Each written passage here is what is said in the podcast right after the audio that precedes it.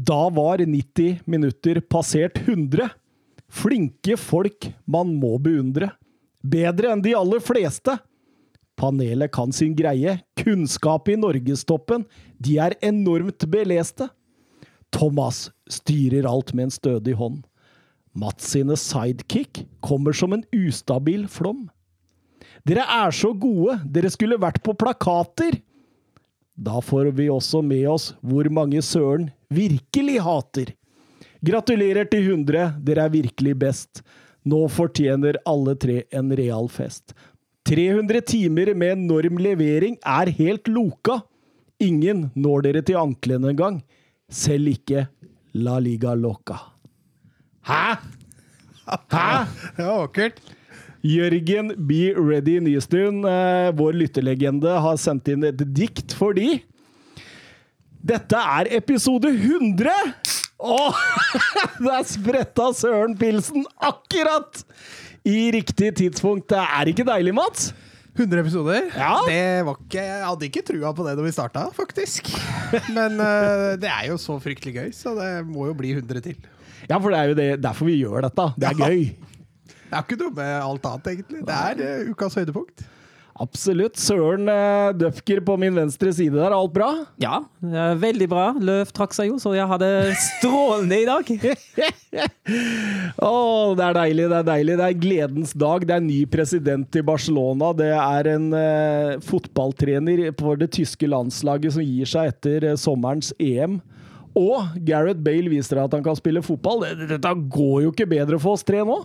Men eh, altså, hvis du kan velge, Søren Wolfsburg seriemester eller Tyskland vinner VM? Ja, lett Wolfsburg seriemester. Ok. Jeg har liksom en følelse av at du bryr deg veldig om det tyske landslaget. liksom. I Ja, hvert fall den meninga di rundt Løv har jo vært Ja, har, utrolig sterk. jeg, har, jeg har sterke meninger, men altså, det er ikke noe verdens undergang for meg om Tyskland gjør det dårlig i en turnering. Altså, hvis Norge møter Tyskland, er jeg jo som regel på Norge. Oi. Oi, oi, oi, oi, oi. Eller jeg, jeg gjorde det ikke sist. Jeg skrudde ja, fordi Hvor mange mange ganger er det spillet mot Norge? Da, da visste jeg veldig godt hvordan det kom til å ende. Og jeg var jo på, var jo på Ullevål, og for å ha en litt hyggelig kveld holdt jeg meg nøytral. Det var jeg òg. Jeg var invitert av um, den der av Norsk supporterallianse. For å stå og lage liv på, på tribunen der. Det var lett når måla rant inn der etter hvert. det var mer en sånn later som vi scorer mål-opplegg. Men uh, Mats, du har det fint du òg, eller? Ja, det har vært litt travelt. Uh, hjelpe flytt foreldrene mine å flytte. Og så har det jo vært noen trenerkurs og sånn, så det har vært litt travelt i det siste. Men uh, Ja, Åssen trenerkurs er dette? nå er alt bra. Det er en av de der modulene til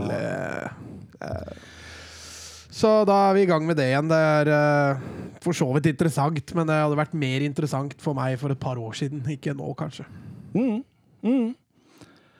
Eh, Jørgen Be Ready Nystuen, eh, vi kan plukke opp den tråden med Løv, for han spør oss også. Eh, Løv gir seg etter sommerens EM. Stalltips på hvem som blir det nye. Kan det bli Klopp til Tyskland og Gerrard til Liverpool, spør han Søren. Ja, Nå har han jo gått ut noen timer etter at spørsmålet til Jørgen ble stilt i pressekonferansen for Leipzig-kampen og har avkreftet det. Han sier at det ikke er noe tema nå, det er ikke noe tema etter sommeren heller. Han har kontrakt i Liverpool. Eh, Nå ryktes det sterkt fra Tyskland og Bayern, eh, journalisten med god kilde, eh, Falk, at Hansi Flick skal være ganske høyt oppe på interesselista. Og det hadde jo vært spennende. Han var jo Løvs assistent bl.a. under VM 2014, under VM-seieren der. Og har jo en god tilknytning til fotballforbundet og det tyske landslaget. Og han har jo vunnet alt han kan vinne i Bayern, så det er jo en mulighet der. Ellers er jeg litt redd for at det kanskje blir Stefan Kunz, nåværende U21-landslagstrener, uh, som ikke jeg holder sånn ekstremt høyt. Uh, og så har jeg jo nevnt det før at uh, Ralf Ragnhild hadde vært en fin overgangsløsning hvis man eh, kunne få Klopp etter perioden i Liverpool. Eventuelt etter EM 2024 at Ragnhild eh, kan begynne å innlede denne spillestilen eh, som Klopp står for. Tror du Ragnhild kunne tenke seg det? Ja, jeg kan egentlig se det for meg. Han, eh, han har jo gått litt ut av det dagligdagse trenerarbeidet. Det blir jo litt mye etter hvert. Han fikk jo også en burnout i tida i Schalke, og har hatt litt mer sånn sportsdirektør organisatorisk ansvar. Eh, Men jeg tror landslagstrener der det ikke er så mye dagligdags arbeid med spillerne og ikke så mange treninger, det tror jeg han fint kunne tenke seg. Men Ja! spørs om forbundet vil det, da. ja, det spørs, da. Det spørs. Eh, hva med Oliver Bierhoff? Nei. Å nei. Han, eh, han, bør jo, han bør jo kanskje være ferdig snart, han òg, da. Stefan Effenberg? Og det gikk så bra i Paderborn. Oliver Kahn? Nei. Nei, nei. nei, jeg er enig med deg. En, eh, en Jørgen Klopp eh, på sikt hadde vel kanskje vært det beste, men han, han var ganske klar, ja. Han sa jeg fullførte kontrakten min i Mainz, jeg gjorde det i Dortmund, og jeg skal gjøre det i Liverpool. Ferdig med det. Ja, det er greit statement, det, Mats. Ja. Er det lojalt? Det er lojalt. Em, Alex Andreball på Twitter han eh, spør oss hva tenker dere om Wengers offside-endring? Altså Personlig er jeg stor fan av den.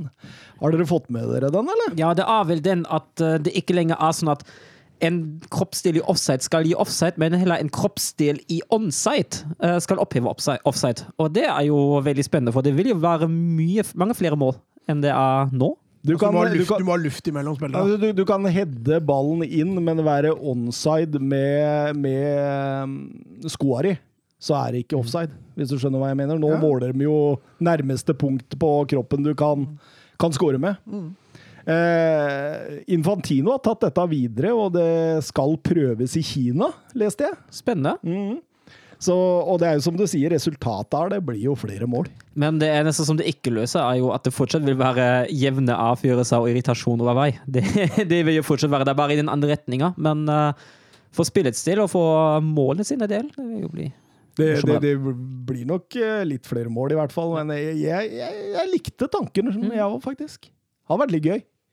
Ja, bare prøve. Mm. Stupheadingene kommer inn igjen. Hvor har det blitt av stupheadingene, forresten? Det er Nei, de la vel opp sammen med Robin van Persie. ja, var. Ja, det, det, er veldig sjelden du ser dem igjen nå, men nå kanskje det lønner seg å stupe litt inn etter den. Em, ja Flere på Twitter også som ønska oss eh, gratulerer med 100. Det er hyggelig.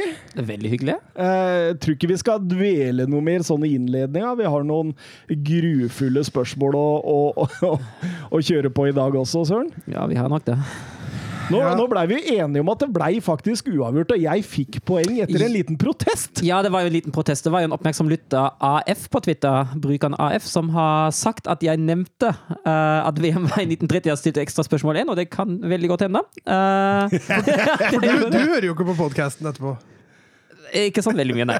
Um, så du må jo bare stole på at det er sant. og det er jo reglene våre er jo at hvis man ikke har nok ekstra spørsmål, uh, da blir det jo poengdeling. Uh, og så kan det jo i hvert fall være enig i at ekstra spørsmål nummer to det var ikke nødvendigvis forberedt da jeg kom inn på det rommet her forrige, forrige tirsdag. Så Thomas, ja, du skal få det ene poenget Forrige. Åh, det er så deilig, det er så deilig! Det er, det er da ti spørsmåls eh, andre uavgjort, for det var jo uavgjort mellom dere en gang da jeg satt med skjegg i postkassa og, og hadde ikke noe mer å gå på. Ja, jeg har bare et tilleggsspørsmål i dag, jeg også. Jeg får se om jeg finner på noe underveis der, hvis det, hvis det skulle være uavgjort. Nei, du får bare kjøre du, Mats. Ja, jeg skal gjøre det. Oppvarmingen i dag er de nest beste ligaene. Og Thomas, kan du fortelle meg hvilken klubb som leder Segunda? Eh, eh, det kan jeg egentlig ikke. Så da pass, eller? Deportivo la Corona. Nei, de spiller faktisk i tredje nivå, så der er du langt unna. Det var, eh, Ma Så, så mye følger med. det var Mallorca vi skulle fram til der. Eh, Søren, kanskje du kan fortelle meg hvem som leder Serie B? Å, herregud. Uh, ja. Er det bare så slemt, eller? Som Asbjørn Bjøkke sier, er jeg en tipping. Eh, jeg vet at Monsa gjør det ganske bra, men jeg tror ikke de leder. Jeg kan gå for Monsa. Nei, det er Men, men er, det, er det klubben til Berlusconi? Ja, det er klubben til Berlusconi. Ja, men Berlusconi òg. ja. Ja. Det er Empoli vi skulle fram til der. Eh, Thomas, nå skal du få muligheten til å briljere. Hvilken klubb leder championship? Oi. Trodde jeg, da. Ja. Problemet er jo at jeg følger jo ikke med sånn tabellmessig. Det hender jeg ser noen kamper. Men tabellmessig så, øh, så er det dårlig stilt. Men her regner jeg med du ikke tipper et lag fra League One, i hvert fall. Så da bør det være litt større sjanse. Men, men øhm, Jeg veit jo hvem lag som ligger oppe der og svømmer. Ja, det ene laget Nei, jeg skal ikke si noe hit. Det er Blackburn. Jeg heier på det ene laget her. Uh, nei, altså det blir rein tipping. Swansea. Norwich. Norwich. Selvfølgelig er det Norwich! Ja, ja, ja! ja. De leder med ti poeng, dem, faktisk. Og Pep Guardiola sa jo her at uh, hvis han skal se en fotballkamp og ikke, at de ikke tenker jobb, så er det det morsomste han eh, ser på, er Norwich og Daniel Frank Farke. Mm. Ja, da burde du kanskje ha tatt Ja, den. jeg burde jo det, men jeg er jo ikke klar. Men uh, Søren Dupker, da skjønner du kanskje hvor vi skal. Bochum. Det er helt riktig. Bochum leder andre Bundesliga. Sø- Søren Nei, Thomas. Unnskyld. Kan du fortelle meg hvem som er toppskårer i championship? ah, Timo Pukki. Åh, det har så lyst til å svare ja, men han er nummer to. Så du får ikke på den. Det er Ivan Tony fra Brentford. 24-åringen. Søren, da behøver du kanskje ikke Simon til Rodde. Det er helt riktig. Han er toppskårer for Hamburg. Da ble det ett poeng til Søren der, sånn. Spørsmål nummer to. Europaligaen blei til i 09-10-sesongen som en oppfølger av Uefa-cupen, men eh, hvem vant dette året? Søren. Atletico Madrid. Det er riktig, Søren. Da er det 2-0. Vi går over til en storytell. Spilleren vi skal fram til i dag, er født 10.2.1986 i Santa Marta. Far Garcia var også fotballspiller, og dette påvirket uh, vår manns fremtid. Da vår mann var fem år, var han med på flyttelasset til Venezuela, der faren var proff. I Venezuela spilte han faktisk mye baseball, som var den mest populære sporten i landet. Det var ikke før de flyttet tilbake igjen i hjemlandet i 1995 at fotballen fikk eh, mye plass. Han ble tidenes yngste spiller til å debutere i hjemlig liga da han kun var 13 år, for eh, Lankeros Boyaka. Og påfølgende sesong, som 14-åring, spilte han faktisk sju kamper og skåra ett mål for A-laget. Eh, Det ble selvsagt lagt merke til, og da eh, Milaneros takket nei til en opsjon, var River Plate klare til å kjøpe 15-åringen for 500 000 dollar. Han ble satt ned på U19-laget og spilte der i tre sesonger, før debuten kom på A-laget i 2005. Med fire kamper første sesongen ble dessverre 06-sesongen ødelagt av en del skader, før det store gjennombruddet kom i 07-08-sesongen. 19 mål på 39 kamper og debut på det colombianske landslaget. Søren. Radamil Falcao. Det er helt søren. Da går vi over på spørsmål fire. Hvem Jeg syns du sa du var treig på kveldingene! Men, Jeg, får, jeg, jeg, jeg, jeg, jeg, jeg rekker jo ikke ja, ikke sant? Når, når den kom der da, så har du jo det, men jeg rekker jo ikke å si tø engang, vet du, før han er ferdig. Eh, hvem skal ut? Ja. Eh, hvilke av følgende klubber, Søren, har aldri vunnet den tyske cupen? Mhm. Bayer Leverkusen, Hanoffer, Rapid Wien, Bochum. Å, det står mellom to. Åh, åh, åh, åh, åh. Ah, Søren, jeg sier Bochum. Det er riktig, Søren. Trodde jeg skulle lure dere litt med Rapid Wien der. Dere? Men, Ja, men har du ikke etter meg òg? Nei? Jo, men du, du sa jo spørsmål fire, Søren. Ja, men det var fordi det var tysk. Å, jeg svarte jo ikke! Fordi jeg trodde jo det var til han. Å ja, da, da beklager jeg. Det var ikke det som Og du satt og venta på et eget Ja, du, jeg tenkte, kan jo ikke tenke engang! Å ja, ok. Ja, da, da beklager jeg. Da var det min feil. Eh, det var ikke meninga. Det var mer som at det var et tysk spørsmål. Eh, Da skal jeg slutte med det. Eh, Spørsmål fem. Hvilken klubb? Klubben vi skal fram til i dag, er stiftet i 1886. Klubben ble grunnlagt under navnet Dial Square. Da klubben ble profesjonell i 19 i 1893, skiftet den navn til det den heter i dag. Klubben slet økonomisk, mye pga. beliggenheten geografisk sett, som medførte til lave tilskuertall. Og i 1910 var de på randen av konkurs. Den nye eieren Henry Norris ønsket dermed å flytte klubben. Og kort tid etter nedrykket i 1913 flyttet klubben til Highbury-området i London. Thomas. Arsenal. Jeg visste jeg vurderte å droppe den Ja, Highbury! men jeg, men jeg, jeg, jeg var egentlig på'n, faktisk. Greit. Men da, vet du hva, jeg tror vi sløyfer det ene spørsmålet, Søren. Hæ? Som Thomas ikke fikk svart på. Ja, så men, jeg- jeg du, svarte jo men han kunne jo, kunne jo ikke likevel, da. Kunne tippa. Kunne ha tippa Ja, der, da. Det var det som var greia. Men uansett så leder du 3-1. Greit. Eh, Så blir det litt jevnlig der, skal vi se. Da må jeg bare finne tilbake igjen. Der er vi. Spørsmål seks. Fra hvilken klubb kjøpte Barcelona Clement Lenglet? Oi. Søren Ja. Kom igjen, Søren. Sevilla! Ja! Det er riktig! Spørsmål nummer sju. Jeg skal fram til en spiller, og jeg leser klubbene i stigende rekkefølge. Bong Range United. Mighty Barol. Invincible Eleven. Afrika Sport. Tonnerre. Monaco. PSG. AC Milan. Chelsea på lån. Manchester City. Marseille. Al Jazeera. Må i alle dager. Jeg kommer med litt hint underveis Det, det, her. Altså, men det kommer- kan du ikke ta klubbene en gang til? Fordi det, det var Helt fra starten, eller? Nei, du, Du kan ta fra, kan ta fra, fra Europa, da.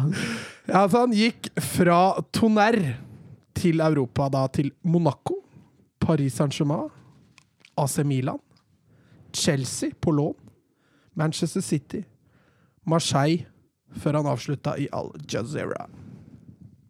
Oi, oi, oi. Dette bør man jo kunne sånn. Ja, jeg har en liten mistanke, men jeg er ikke sikker. Skal jeg droppe et hint? Ja, jeg tar gjerne den.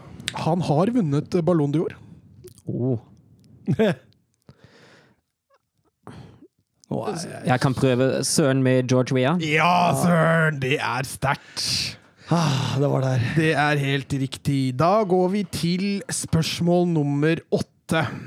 Hvilke to nasjoner Altså, dette er historietimen, da, så vi skal langt tilbake i tid. Hvilke to nasjoner møttes til den aller første offisielle landskampen i historien? Søren, England-Skottland. Ja, selvfølgelig visste du det. Endte vel 0-0 òg? Ja, Det veit jeg ikke, jeg har ikke resultatet. 1872 ble den landskampen spilt. Og spørsmål nummer ni.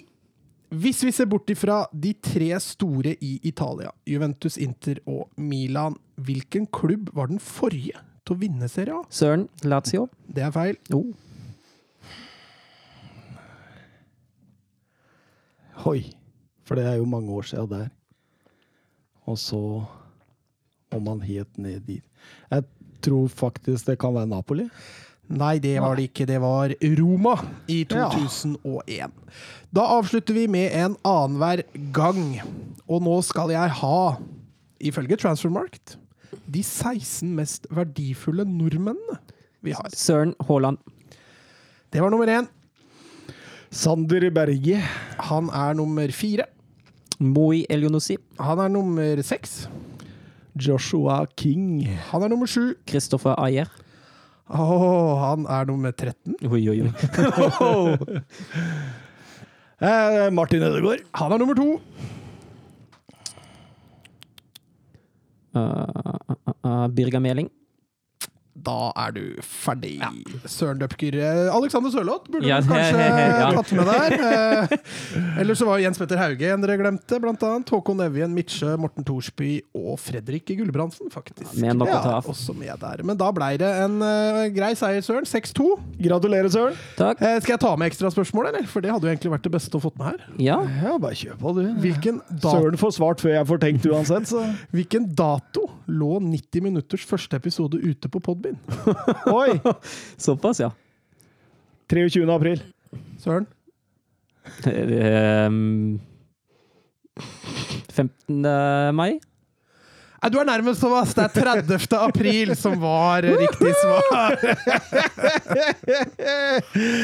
Nei, da går vi bare til intro. Messi surging forward with real menace here. Brilliant from Messi.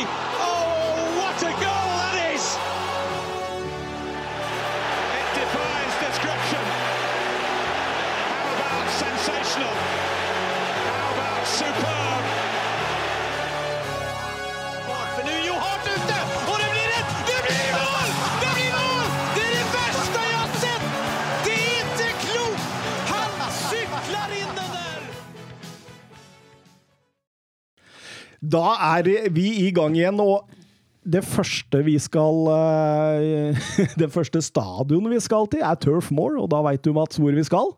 Ja, da er det vel Norwich, da, mot eh, Burnley mot Arsenal? Det ble null poeng, da. Eh, Burnley-Arsenal, ja, den eh, kickstarta jo tidlig lørdag morgen, holdt jeg på å si. Det var ikke, så- var ikke så tidlig lørdag morgen, men Vi var, sto jo og banka ball vi det på Ja. Li der eh, når den kampen starta, faktisk. jeg hadde med meg hun minste på, på Li og, og spilte litt, så kom plutselig Mats bortom. da. Og hun var tørst. Hun var så tørst! var, var, var mindre opptatt av fotball og mer om at nå måtte jeg ha noe å drikke. Men vi fikk vel inn noen, eh, noen long kicks på, så det var bra, det. Em, men når jeg kom hjem igjen fra Lida, Li, da, der vi hadde møttes for, for fotballspilling, så, så var det å slå rett på Burnley mot Arsenal. og det var en artig fotballkamp, rett og slett, syns jeg. Ja, i hvert fall i, per, i, i perioder. Syns, eh, syns første omgang er, er helt grei og fin å se på, men det som tar jo kaka, er jo slutten. De siste 20 minuttene de er jo ufattelig morsomme. Det er jo fryktelig, fryktelig gøy. Det er ofte det siste du husker best, er det ikke sånn, Mats? Jo, merkelig nok så blir det jo ikke mål da i den perioden der, men uh, det var mye å ta tak i der. Mange situasjoner og store sjanser. Men Arsenal best i første omgang, eller? Ja. Det, det vil jeg si. Altså, jeg, jeg syns Burnley, Burnley prøver jo å, å, å presse høyt, eh, men de etterlater seg en del rom, særlig bak, eh, bak sin venstreside, og da er jo, er jo i hvert fall Saka god til å, til å utnytte og skape en god del farlige overganger for Arsenal. Så altså, så ut til å ha full kontroll fram til Sjaka ikke hadde det. Absolutt. Eh, Aubameyang satt jo 0-1 der tidlig, og, og Arsenal ser jo fort ut til å skåre både to og tre, men så, så som Søren sier, så er det jo en Granit Saka da, som Hva er det han driver med der, Mats? Ja, altså han, jeg ser jo hva han tenker. eh, Utførelsen der med Altså, han er vel skeivbeint, er han ikke det? Han er jo det. Og så skal han vende den der med høyrebeinet. Går jo fryktelig dårlig. Eh, Rett til Chris Wood, som får en fryktelig enkel jobb med å Eller fryktelig enkel jobb, han bare er jo der. Han behøver jo ikke å gjøre noen Han- ting. han- Det han har gjort, han har jo satt David Louis i pasningsskygge. Ja. Og, og eh, når du da ikke bryr deg om den Skyggen. skyggen som står der, og bare klinker den inn, inn så, så blir den jo treffig, og det blir 1-1 rett før pause. Det var Sjakas åttende personlige feil siden overgangen fra Borussia Mönchengladbach i 2016. Det er mest i Ja, Premier League, Det regnes røde kort med deg? Nei, det er personlig feil som leder Ja, til det er greit, ja. ja, Ja, nei, De røde korta er oppå der. ja nei, nei, det er jo det er en fryktelig kjedelig statistikk for ham, da. Det er jo det. Men hvor god var, eh, var han i, i eh, Gladbach, Altså? Ja, han gjorde ikke så mange brølere. Han var jo altså, han var jo sånn det samme type spiller, litt sånn uh, hardhaus på, på midtbanen som var god i det defensive spillet, men ikke med så fryktelig mange brølere som han har produsert i Arsenal, hvis jeg husker det korrekt. Nei, han er liksom altså, Uvøren. Ja, litt uvøren type, ja. Og det, det, er jo veldig typisk at det akkurat er han da, som gjør dette her. Han Han er har vel, jo vært god en periode, da. Så Ja. du må liksom Han må ha den ene brøleren han, innimellom. det er litt sånn elsk-hat-forhold, tror jeg, for Arsenal-supportere der. Ja, det tror jeg absolutt.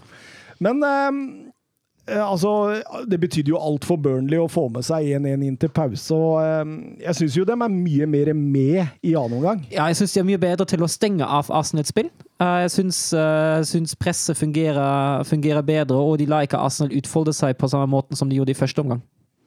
Hva syns vi om Ødegaard? Han blir bytta ut der. Ja, Arsenal trenger jo mål, så da er det jo greit å ta ut han som spiller støttepasning. Ja, for vi er tilbake der, eller? Nei da, det var ikke så ille, men han, han er jo Altså, han er, han er på banen. Eh, Han gjør jo ikke noe feil, og han spiller jo ikke dårlig, men, men han er ikke noe avgjørende. Han har en tierrolle på et, et lag som skal blomstre litt offensivt. Jeg, jeg syns han blir for lite uh, avgjørende. Da. Det er for mye trygge valg. Ta for lite plass, rett og slett. Ja, ta for lite sjanser òg. Han må tørre litt mer altså, når du spiller den rollen der. Det er klart det er ikke alltid jeg ser at bevegelsene rundt Ødegaard er bra. Så det er ikke sånn at dette kun går på han, men uh, innimellom savner litt at han prøver å gå av noen, noe folk og skape litt ubalanse og sånn. Det er veldig lite, altså. Og så, etter 74 minutter, så kom vel kampens snakkis, da Erik Peters eh, henser i boks. Eh, hva tenker vi om den? Så var på den, egentlig? Det husker jeg ikke. Nei, fordi det, det overraska meg at det var liksom Det, virka ikke som Altså, VAR kan jo ha sett på den uten at det tydelig kom fram stopp i på spillet. ja. Men eh, jeg syns det var rart det ikke ble straffe, Søren. Ja, det er veldig rart. Særlig med tanke på den lista Premier League har lagt seg på tidligere i sesongen nå. Eh, nå man, Hadde, hadde dette vært i august, nei, i Ja, september, ja. så hadde jo dette vært straffe 100 ja, av 100 man, har, dager. man har kanskje lagt seg litt, litt få Altså, den hens-regelen den er, jo, den er jo litt som den er, men eh, man har jo kanskje lagt seg litt for mye på den andre linja nå igjen, når ikke dette da skal være straffe heller. For det mener jeg var straffe. Det er en bevisst handling, i hvert fall en refleks som gjør at her, her, skal, her skal vi stoppe ballen. Ja, det er ikke noen naturlig bevegelse for hånda, og, og det er en forlengelse av kroppen på, på egentlig det som er en ulovlig måte. Så her er jeg enig, jeg syns VAR bommer. Etter 79 minutter får Wood en enorm sjanse. Han setter rett på Leno. Etter 81 minutter så er det Nicolas Pepe som får en enorm sjanse hvor han bommer rett og slett på ball fra, fra innlegget der. Og så kommer en ny straffesituasjon hvor dommeren er raskt borte, gir straffe. Og rødt kort til samme Erik Peters. Ja, for, det, for å viljehense, ja. Mm. Så går VAR inn. Eh, Erik Peters er ganske klar på at det er skuldra, Søren. Ja, og det så jo sånn ut at det var òg, så da gjør jo VAR jobben sin i hvert fall, og det er jo greit. Absolutt. uh, Og Arsenal de er ikke ferdig med å presse. De bombarderer uh, Burnley-målet en periode der. Og ja. På overtid der har de en vanvittig trippelsjanse, altså, som ender med et stolpeskudd fra Ceballos. De ja, det Ja, er det- beleiring av 16-meteren til Burnley i nesten et minutt i strekk. Men samtidig, Ben Mee og Tarkovskij Nå har de vært veldig variable den siste tida, men det å forsvare boks og blokkere, det, det kan de, altså. Ja, det tror jeg faktisk de trener på. Eh, sånn med keeperen, liksom. At jeg tar det hjørnet, så tar du det andre hjørnet. Ja, absolutt. absolutt. Eh, så det, det, det, tror jeg er ganske faktisk. bevisst på måten de forsvarer seg på. Så selv om du har ballen i boksen til Burnley, så er det ikke dermed sagt at det er en stor sjanse. Altså. Nei. Og da blir det 1-1, da, og det var jo to eh, hardt tapte poeng for Arsenal, som eh, egentlig har klatra sånn sakte, men sikkert eh, oppover i det siste. Vi, vi skal over til Anfield og Liverpool mot Fulham, vi, Søren. Ja, snakk om hardt tapte poeng. Jeg, jeg, jeg var nesten sjokkert når jeg så den lagoppstillinga. Ja, altså dette er et Liverpool-lag som sliter, så det er mulig det at Klopp eh, har tenkt her at vi må spare. Eh, De har også en Champions League-kamp, men eh, det er jo merkelig. Tenker Leipzig her. Han gjør det. Han må jo, hva jo er det eneste fornuftige Altså, argumentet. Den fireren Altså, altså Neko Williams, Nat Phillips, altså Reece Williams og Robertson. Ja, den kunne spilt i nedre halvdel av Premier League, den. altså. Ja, den kunne det. det kunne det. Var det ikke Ståle Solbakken som sa at han har vært eh, supporter i eh, 40 år, og det er topp tre dårligste fireren han noen gang kan Ja. huske? Ja, og det, det viste de jo på banen òg. Det var jo helt fryktelig. Altså. Det var jo ikke noe samhandling, den, den linja de satte. Det var jo ikke en linje engang. Det var, det var en, en eller annen geometrisk figur, en trekant eller hva vet jeg. Men uh, altså, det var jo det var ikke noe, det var ikke noe linje der. Altså Hele første gang er så avventende fra Liverpool. Akkurat som de veit de stiller med et mye dårligere lag, og så, og så venter de heller og ser hva Fullham gjør. og det passer dem jo fryktelig dårlig altså, når de stiller med det laget de gjør. Og de blir jo satt på De får jo det ene kontringa imot etter Ja, ja. den andre der. Og, Jeg, jeg tenkte det med en gang jeg så den lagoppstillinga her, at her, kommer, her kan det fort bli det sjette strake tapet på Anfield for Liverpool. fordi ja, jeg hadde jo, I midtuka så møtte jo Tottenham Fulham eh, på Craven Cottage. Og eh, selv om Tottenham vant 0-1 der, altså, så var det et eh, strålende Fulham-lag som virkelig spilte god angrepsfotball. Altså, så jeg, du, du kan liksom begrave den der øksa om at eh, Fulham eh, kommer til å rykke direkte ned. For det, det, de har fått sving på det. altså. Ja, og så har de jo to lag foran seg på tabellen da, som ikke har sving på det. Så den ene klubben leiter vel etter rotter, og den andre klubben eh, ja, jeg. Og jeg, og jeg så bare for å Fordi jeg kikka på det Fullheim-laget, så tenkte jeg det er mye gode fotballspillere der. Mye gode fotballspillere. Altså Lookman, du har han Cavaleiro. Cavaleiro. Er Ikke så gæren han heller, altså, Nei, Lof- Loftus Cheek, eh, en bra spiller der. Du har midtstopperparet som jeg tror nesten er en av Premier Leagues beste midtstopperpar for tida. Eh, og, og en keeper der som er helt enorm. Og, og så kikka jeg på første lagoppstillinga til Fulham eh, denne sesongen, mot Arsenal. De tapte 3-0. Eh, og da så jeg at det var jo ingen igjen fra den oppstillinga. Så den var jo, det, det er vel sju lånespillere på dette laget som møtte Liverpool her. Ja, men det fungerte jo bra. Og en, altså, Lokman, som du nevner, jeg synes jo han hadde, han hadde en strålende kamp. Han kjørte jo til de der karusell med Nico Williams ut på sin venstre side. Fikk litt vondt av Nico Williams, altså. Ja. Ja, Han er jo haussa opp som et stort talent, men her viser han jo litt de samme svakhetene som vi snakker med Trent Alexander Arnold om. At, eh, Men, Men det skal, jo, det skal jo også sies at altså, Greit nok, den backfireren var dårlig, men det er en fryktelig dårlig idé å stå så høyt som Liverpool gjør, som Liverpool gjør og ikke legge noe press på ballfører i overgangssituasjoner. Da hindrer du ikke kontringer, da inviterer du motstanderen inn på bakrom gang på gang. Og det er akkurat det som Fulham eh, klarte å utnytte ganske greit. Altså, Liverpool er jo avhengig av løpssterke indreløpere. Ja, og Becker. Ja, men Milner han er jo ikke noe spesielt løpssterk lenger. Han var det. Han la mange mil eh, under føttene sine, han før i tida. Men nå så ser du han er veldig stasjonær. Og det har også Keita blitt pga. alle disse skadene. Så du ser at de der, på en måte de der eh, løpa som Liverpool er så avhengig av i, som indreløpere, det faller helt bort. Nå er jo også Milner blitt eldre med åra, da. Ja. Så det går jo ikke like fort heller når han først bestemmer seg for å løpe. Eh, Og så den Shakiri, den tierrollen. Han hadde en litt sånn vandrende rolle, men det funka ikke helt, det heller. Altså, han fikk ikke satt opp, han heller. Nei, det gjorde ikke det. Altså, Liverpool altså, de sliter med avstander. Jeg syns både i breddeveis, som jeg må kalle det, og, og lengderetning. Det, jeg synes de, altså, det er noe med intensiteten der. Fireren de står jo ikke samla i det hele tatt. Du så jo det var jo trekkspill hele tida. Og, og eh, sliter med bevegelsene hele tida til Luckman og, og Josh Maya der. Så det, at det blei mål før pause der, det var ikke overraskende, det. Nei, jeg syns Liverpool hever seg i andre omgang. De får i hvert fall opp aggressiviteten i presspillet, og de får løfta spillet mye høyere. Men uh, igjen, da, de sliter jo med å skape de helt store sjansene. Det blei litt bedre når Mané kommer inn, men, men igjen så ser vi det symptomatiske med Liverpool. Altså, de kan få en så stor sjanse de bare gidder.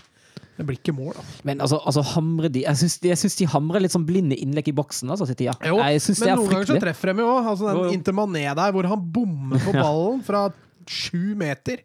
Altså Mané eh, i 2018-19-sesongen hadde jo scora på den ti ti av fem ganger. Da.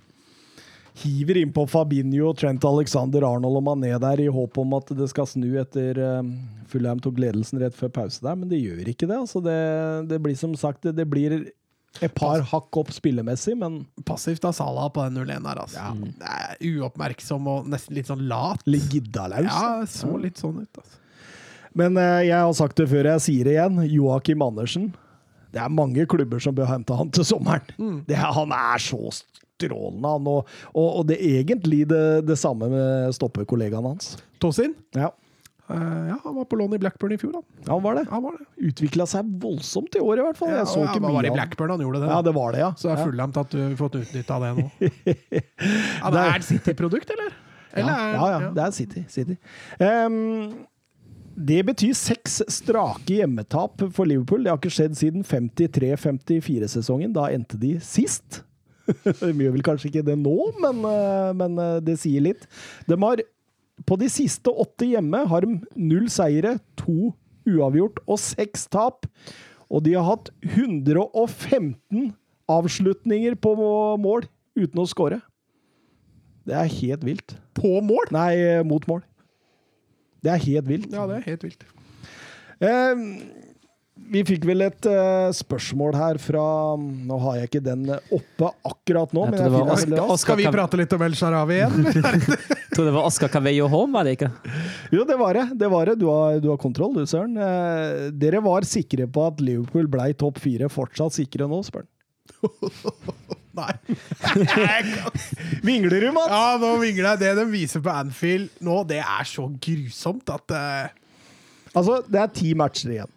De ligger på åttendeplass med 43 poeng. Eh, det, er åtte, det er sju poeng opp til Chelsea. Ja, altså det er eh, De har jo lag som eh, Tottenham, eh, Everton og Westham foran seg. De laga har én kamp mindre spilt enn Liverpool. Og så har du eh, topp fire, da, hvor City ligger 23 poeng foran. Det er jo Tapt. det, Ja, det er tapt så det synger. United 11, Leicester 10 og Chelsea 7. Eh, kan jo begynne å blinke et blått lys, faktisk. Ja, det kan Ja, det. vingler du? Nei, jeg, jeg, jeg står fortsatt på at dette bør de klare, for jeg, jeg har ikke tro på at Leicester holder helt inn. Men ti kamper. Mm. Det er 30 poeng, hvis mattekunnskapene mine sier det. Skal du utfordre den også nå? Å, mat, altså- mattetimen med Mats Granvold. Altså 30 poeng eh, på ti kamper. De vinner jo ikke hjemme lenger. Nei. Det må de få snudd. Ja. Det må De få, altså. Ja de har vel ja sikkert fem hjemmekamper igjen, da, nå har jeg ikke sjekka. Det, og og jeg, jeg kikka på terminlista. Det er ikke voldsomt mange harde kamper for dem igjen. Men, Nei, men det ser hjelper jo ikke. Det hjelper jo ikke. Det spiller jo ikke rolle hvem de møter. De taper uansett. Uh, Så de må få orden på det der på Anfield. Hvis de greier å ta 15 poeng på hjemmebane, altså vinne resten da, på Anfield Mm. mange må de ha på bortebane da? To-tre til? Mange poeng må de ha, tror du, for å klare den fjerdeplassen? Ja, for Leicester tar nok sånn jevnt og trutt, de òg. I hvert Mm. fall. Ja, nei, det, du har et poeng. Du har et poeng, altså. Det, det blinker Ikke i blått mange lys. blemmer Liverpool har igjen, altså, med tanke på det forspranget de må ta igjen. Så får vi se i morgen, da. Tar de seg forbi hinderet Leipzig da, så kanskje Klopp begynner å heller å tenke på Jeg Champions tenk, League. tenkte akkurat det samme, at det kan være en mulighet at han, eh, hvis han merker at det ikke går i Premier League, at han satser alt for å vinne Champions League, for å sikre Champions League-plassen eh, gjennom det. Men eh, Men slår dem Leipzig? det Ja, de de har har- vist på Anfield i 63, er Ja, men de spiller ikke på Anfield, da. De spiller i Budapest. Ja, det er jo kjempefordel. Jeg Det er bedre for Leipzig å spille på Anfield, faktisk. spiller de i Budapest, da? Ja, jeg altså? tror det. Jeg mener husk at de, at de til Budapest? jeg kamp tør ikke å gå inn, jeg, jeg skal se noen kamper Ja, etterpå. jeg, jeg kan gå inn og så kikke her, for i, um, Skal vi se her. Skal vi se her i morgen. I morgen på uh, Ja da, Pushkas Arena. Ja. Oi, oi, oi! Nei, da går Liverpool videre. Altså, altså, har de jo, altså har de jo en 2-0-ledelse fra første kamp. Så det, Ja, og så, tenk, så tenker jeg de sparte jo litt i denne kampen her, da. Og, og, det, og det å finne motivasjon og Klopp har vel kalt dem mentale monstre før. Så Hva er det nå, da? Hvis det var det før? jeg veit ikke hva han kaller dem nå, jeg. Skyggeredde idioter. Ja, det, Vi går over til eh, Premier League-rundens storkamp Manchester City mot Manchester United. Ja, du tippa 14-0 på forhånd? Nei, jeg gjorde det. Jeg gjorde det. det var litt sånn statement om at dette vinner City. Der tok jeg grundig feil. Du erkjenner, det er stort. Ja, for det tok jo bare 35 sekunder før eh, United får dette vanlige straffesparket sitt som de får i stort sett alle fotballkamper. Ja, men, men nå kan Ja. du ikke si så mye. nei da, det. nei da. Det var helt, eh, Vi kan, vi kan jo nevne den gamle klassikeren spisse i egen boks, eller rundt egen boks igjen, da. jeg, jeg skjønner ikke hva Gabriel Jesus tenker på der. Det, altså, det, det, det er jo 40 City-spillere i uh, støtte! Og så er det den derre Jeg tror ofte du har mest adrenalin rett, altså når kampen starter. Ja. Det er da spillere har mest adrenalin liksom skal komme i gang. Ja. Jeg tror det er det som feller Jesus litt i den situasjonen der. At eh, han er så gira på å vinne den ballen at han eh, glemmer seg litt, rett og slett. Du har sett det klippet når de starter med Son? Uh, Ja, og de to begynner å løpe, ja, og så går alle andre og setter seg ned. Black Lives Matters. men, men der er det Hvor fokusert er du faktisk på å sette i gang? det, er, det er helt hysterisk, det glippet, faktisk. Og begge to, liksom. Ikke bare han ene. Nei, han ene følger jo! Og så begge spurter tilbake og setter seg ned i knestående. Eh, Men eh, Bruno Fernandes, eh, som snart er toppskårer i Premier League på straffer, han setter jo den ganske greit. Og da, Jeg gjør da det. Ja, han er litt heldig. Den er Ja, han er jo på den der. eh, Han er på den. Han er det. Men eh, lurer seg inn. Ja, han gjør det. Han gjør det. Og eh, United, jeg synes jo de er veldig gode i starten her. De kjører jo høyt press, de, de presser samla. De, de gjør eh, Altså, jeg tror City blei litt sjokkerte. Ja, det så veldig sånn ut. De så, de så rusta ut. Uh, straffesituasjonen kom jo også fra høyt press fra innkast i Citys egen banehalvdel, da City hadde ballen. Og jeg syns også City gjør uvanlige feil. Altså, hvis du tenker den situasjonen eh, det er vel etter sånn ca. ti minutter, der de nesten driver og roter bort ballen i egen boks, og United nesten får en kjempesjanse. Det er veldig uvanlig City å være. Og så, og så skifter det litt etter rundt 20 minutter, for da finner United ut at nå skal vi gå dypere. Nå skal vi prøve å lokke City fram, og så skal vi kjøre overganger. Ja, og da er jo City vanvittig gode i den offensive markeringen. Kommer ikke noen, overgang, noen særlige overganger fra United i første omgang. Eh, For City er veldig gode til å stenge av. Ja, absolutt. Jeg syns eh, intensiteten, gjenvinninga, begynner å komme tilbake i City-laget. da, Men det, har gått såpass lang tid at United har fått en 1-0-ledelse og har blei veldig flinke på å ri den, syns jeg. Ja, men, men så syns jeg også United går litt i en felle i første gang. Altså, de, de burde ha blitt straffa eh, av City-lag, som egentlig er i kanonform. For det er som Søren sier, de får jo ikke til det overgangsspillet, og de får ikke puste nesten i det hele tatt i 20 minutter. Altså, det er litt sånn Atletico over det United driver med siste 20 der, som faktisk greier å ri av den. Det er selvfølgelig fryktelig sterkt. Samtidig som uh, undrer litt et City-lag der i litt flyt, ville jo skåret. Jeg synes det var artig, som jeg var inne på før eh, sending her, den taktiske duellen mellom Solskjær og Pep Guardiola. Hvordan eh, Solskjær hadde fokus på å stenge av Cancelo. Eh, spesielt Cancelo ved å kjøre Rashford smalt. Og det svaret da fra Pep Guardiola på å kjøre Kevin De Bruyne i det rommet som eh, Rashford etterlot seg, hvor da Solskjær kjører Fred inn omtrent som mannsmarkering på eh, Kevin De Bruyne. Og eh, Pep Guardiola gir opp til slutt og bare sender inn Kyle Walker isteden. det, det, det, er sånn, det er sånn nydelig sjakk i spillet. Eh, Flytta ikke bare bønder nå. Nei, det, Når du begynner å flytte til brødene, da flytter du faktisk dronninga di. Da. ja, da, da flytter du da går du med dronninga di. Men eh, ja, eh, pause 0-1, og, City kom jo ut med Rodri der som klinkerne i krystværa. Da tenkte man litt sånn ja, det er en sånn dag, ja. Mm, ja, og det var, det var jo virkelig en sånn dag. Det ble jo litt sånn gjennomgangsmelodien i hele kampen for City. At prøvde og prøvde, kom til sjanser, men det ville seg ikke. To minutter etterpå så smeller det andre veien, og Luke Shaw tar en eh, Altså er det Henderson som kaster ut i Shaw, som bare setter fullstendig fart på. Ja, han, ene, han ene som jeg trener med, han sa det at han savna det veldig fra De Gea, eh, som ikke tar de sjansene. Eh, så han nevnte faktisk Schmeichel som eh, foregang på det der, å sette i gang sånn på den måten. Og det tenkte litt over det. Jeg er faktisk litt enig. Eh, De Gea er en veldig trygg keeper, som ikke tar de risikoene. Eh, Så det målet der er jo Henderson like mye med på å lage, for at eh, Shaw får jo en perfekt ball å ta med seg forbi der. Kan pappapermen til uh, De Gea koste plassen, eller? Vanskelig å, vanskelig å si. Eh, altså, jeg hadde jo brukt eh, Henderson litt mer hvis jeg var Solskjær, for jeg syns Henderson er en eh, fantastisk og lovende keeper, men så er jo De Gea har vel prestert greit i det siste òg. Så jeg tror det skal mye til for at eh, Solskjær tar ut keeperen som han sjøl betegnet for noen måneder siden som verdens beste. Og én ting utover annenomgangen der, når United har tatt ledelsen 2-0. At det, da våger de å holde litt på ball. Sånn at det der kontinuerlige presset som de hadde de siste 20 minuttene av eh, førsteomgangen, det blir jo nesten fraværende, Mats. Ja, og her er det er egentlig en av de bedre periodene til United i kampen. Eh, måten de dreper den kampen på. Skal sies at på 2-0 så virka ikke City veldig gira heller.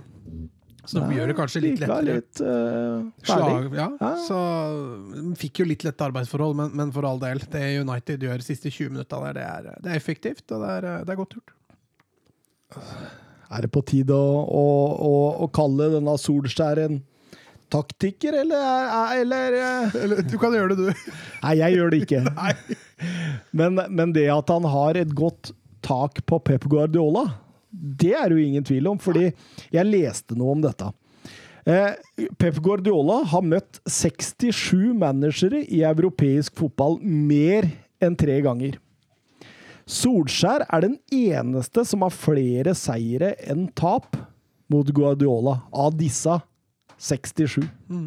Det betyr jo at eh, Solskjær har et godt tak, da. Ja, det gjør det. Og det har han jo vist også nå. Eh, Tapte vel sist på Old Trafford men, eh, i ligacupsemien, men eh, Solskjær og United på bortebane i år, det har vært, eh, det har vært solid, ass. Det kan ingen ta han på. Henrik på Twitter han spør hva tenker vi om eh, Luke Shaw sin sesong så langt. Den har vært fremragende. Jeg syns han, eh, han har vært helt kanon. Han dukker jo også stadig opp blant de tre beste vi peker ut når vi har storkamper, hovedkamper med United. Jeg syns Shaw har vært Ja, Hovedkampen i United har jo vært ganske ofte, så ja. Men jeg syns Shaw har vært, har vært fremragende. Han gjør jobben sin defensivt. Han bidrar veldig mye offensivt. Jeg syns uh, Shaw har hatt en, uh, har hatt en klassesesong for United. Og så har Southgate endelig fått venstrebekken sin. Den Shaw han, har vært, han må jo være bankers på den venstrebekken til England nå. Ja, i hvert fall hvis ikke Shilwell skal fortsette å spille fotball. Ja, men jeg mener Shilwell også. Han er foran Shilwell nå, uansett. Nå, ja. Ja, ja. ja, ja. Det er ingen tvil om. Ehm, hva tror du Alex Telles tenker nå? Faen. Han dro en god gammel Alexander Nybel, han. Og Ja, han bare, bare sitter der. Oi! Dette var et uh... Men jeg tror også Telles ikke var et Solskjær-kjøp. Jeg tror Solskjær nesten ikke fikk noen han ville ha i sommer. Ja. Nei. Han ville i hvert fall ha Sancho, tror jeg. Det tror jeg. Eh, at han satt igjen med van de Beek og Telles, tror jeg ikke var uh, var førstevalgene til Solskjær, i hvert fall.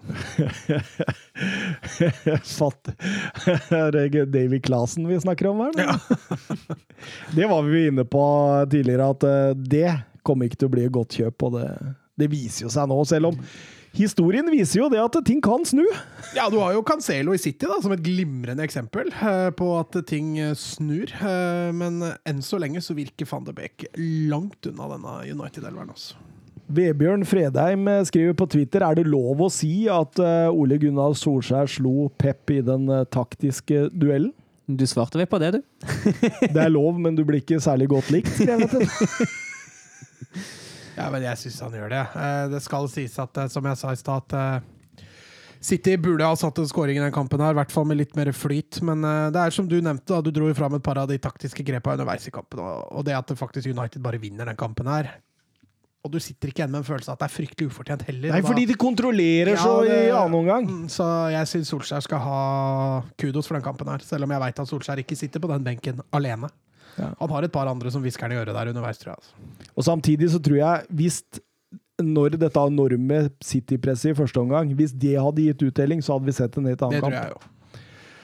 Eh, Vi går videre til eh, Tottenham Hotspur Stadium, der det blei eh, sambafotball, Søren. Ja, i hvert fall i andre omgang. Ja, men jeg, jeg koste meg, jeg. Jeg hadde det skikkelig gøy med den kampen der, i hvert fall etter 45. Det var mye fine memes på Twitter med Son og Kane. Hvordan Kane plutselig begynner å se etter Bale isteden, og Son gråter. Og det var fine, fine. Ja, men altså, Crystal Palace de er jo først og fremst ekstremt godt eh, organiserte. De er gode i press, de er flinke til å falle av, og det, det, det er jo på en måte et, så- et sånt lag som egentlig ikke skal passe José Mourinho sånn veldig godt. Nei, i utgangspunktet ikke. I utgangspunktet er jo det sånne, sånne type lag, litt, litt sånn det samme som med Burnley borte, som vi har vært, eh, har vært eh, borte, med, borte i tidligere. At det er litt sånn de kampene da Mourinhos lag gjerne sliter. Men jeg syns den kampen her så treffer han veldig med den Lucas Mora Som i den tierrollen. Um, I stedet for en, en, en Dombelé, da, som kanskje mangler litt det tempo, litt den tempovekslinga til å føre ballen over, uh, over lengre flater. Da. Uh, og der tror jeg Mourinho treffer veldig bra i den kampen. For selv om Mora har vel ikke noe målpoeng i den kampen, men eh, gud bedre for en kamp. Altså. Ja, og, og veldig god i det høye presset. Og det er jo det som resulterer i 1-0 også, Søren. Ja, det og en fryktelig tabbe av, um, av godeste Milivojevic der. Men uh, ja, jeg er helt enig. Altså. Men det, altså, ikke bare det høye presset, men også den gjenvinninga der. Jeg syns Spurs er veldig gode til å, til å stå på eh, når de først har kommet seg opp, og prøve å vinne ballen igjen. Ja, absolutt. Det var et gegenpress, rett og slett. ja jeg synes det Godt gammelt Ja. gegenpress. Det er nye kallenavnet hans, det. The Gegen One. Men Crystal Palace er jo ekstremt effektive når Benteke setter 1-1 rett før pause der og har med én avslutning og ett skudd. Ja, Staffa Spurs. Staffa, Staffa Spurs får en eh, De hadde, de hadde ikke skudd, faktisk, for det var en heading! Staffa Spurs får en fem minutters timeout, for jeg syns Spurs kontrollerer kampen i 40 minutter, og så legger de seg litt lavt og blir litt for passive de siste fem, og da får de, får de straffen umiddelbart. og ja, det var jo skutt foran, foran bøyen, som jeg vil si. Og det Da, da bedret seg jo. tenkte jeg eh, not again. Tenkte jeg, nå, nå blir det en sånn dragkamp, og så blir det 1-1 ut kampen. Men eh, Tottenham kom ut i annen omgang der, og så bare mosa Palace fra første sparka på ballen. Ja, da var det en eh, enorm prestasjon, eh, også offensivt. Eh, for all del litt, litt heldig med den, litt med den 3-1-skåringen. Var jo helt nydelig, uh, for all del. Men uh, treffer han Foy, det er jo Ja, får ikke hver dag. Sa du han var heldig? Nei, jeg var ikke heldig. Det var jo uh, Men det- Ja, det er det han prøver på, i hvert fall. nei, nei. Det uttrykte jeg litt feil. Men altså, går jo Spurs vei når de skårer på to sjanser av to situasjoner i, eh, i andre omgang. Jo, det gjør det, men det er, det er jo strålende angrepsspill Ja, hele veien, og det er vendinger. og det, du, Åpenbart så har Mourinho eh, sagt til gutta nå at eh, nå vender vi, vi bruker kantene. Vi vender raskt fram og tilbake hele tida. Strekker Ja. Crystal Palace-laget, og det så du at det blei jo strekk i forsvaret der.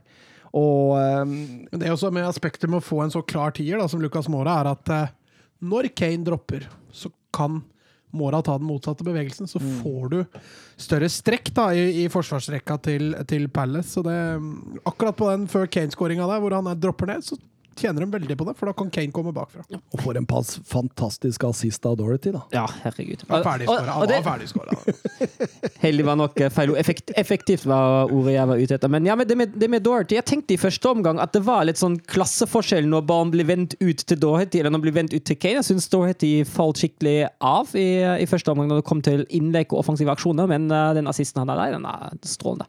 Det er, uh, han ser Kane der, bare rett bakover, men eh, jeg syns altså og, og det aspektet med å, kjø, å, spille, å kunne spille Regulon framfor Davies, det gir så mye offensivt for det laget. Ja, ja, helt klart.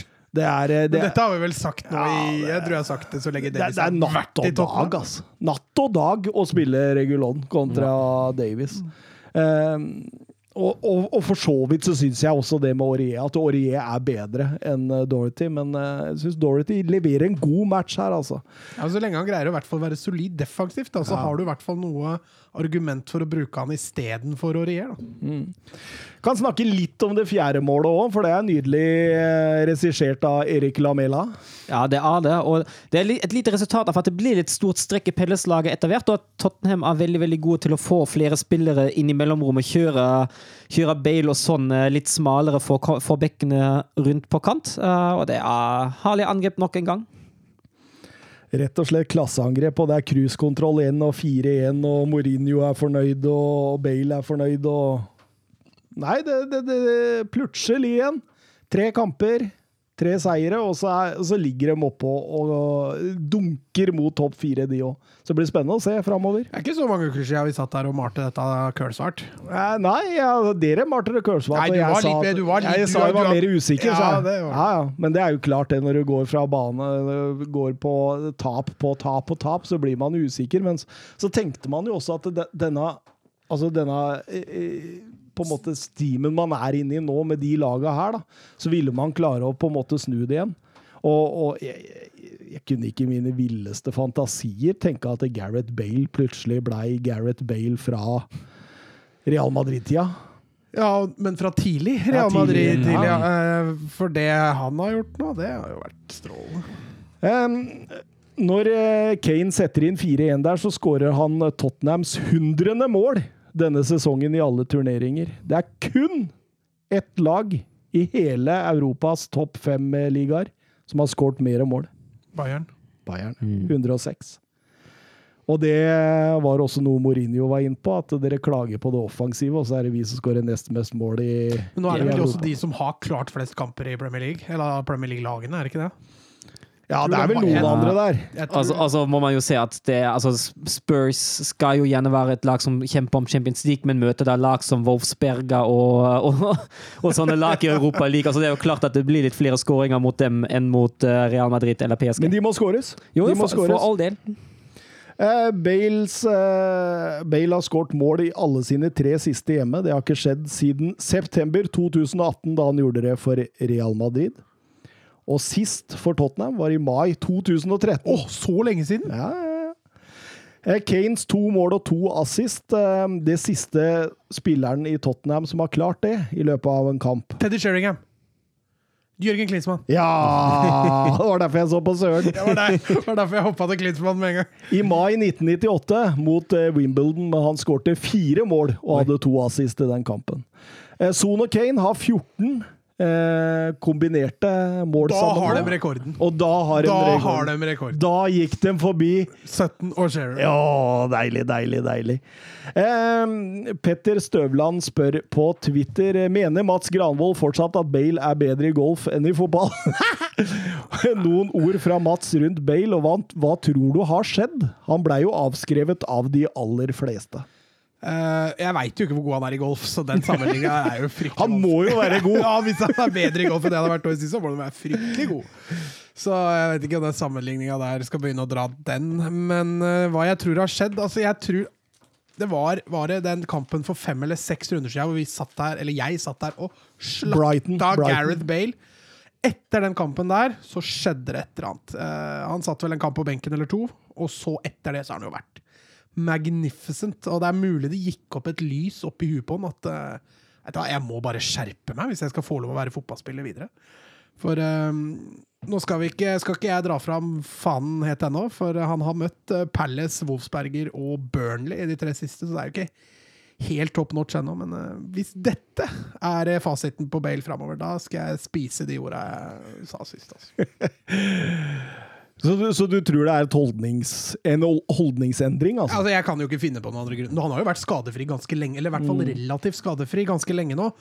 Og måten du da plutselig greier å snu om Altså Du har litt sånn Deli Alley òg. Jeg tror det er litt sånn holdningsgreier der. At uh, de gutta har brukt bare lang tid altså, på å skjønne at uh, jeg må skjerpe meg litt. Uh, uten at jeg nødvendigvis veit at det er sant. For alt jeg veit, er det kanskje bare noe annet som er Ja. Nei, det, det, det er ikke godt å Begynt å si. spise ordentlig middag eller.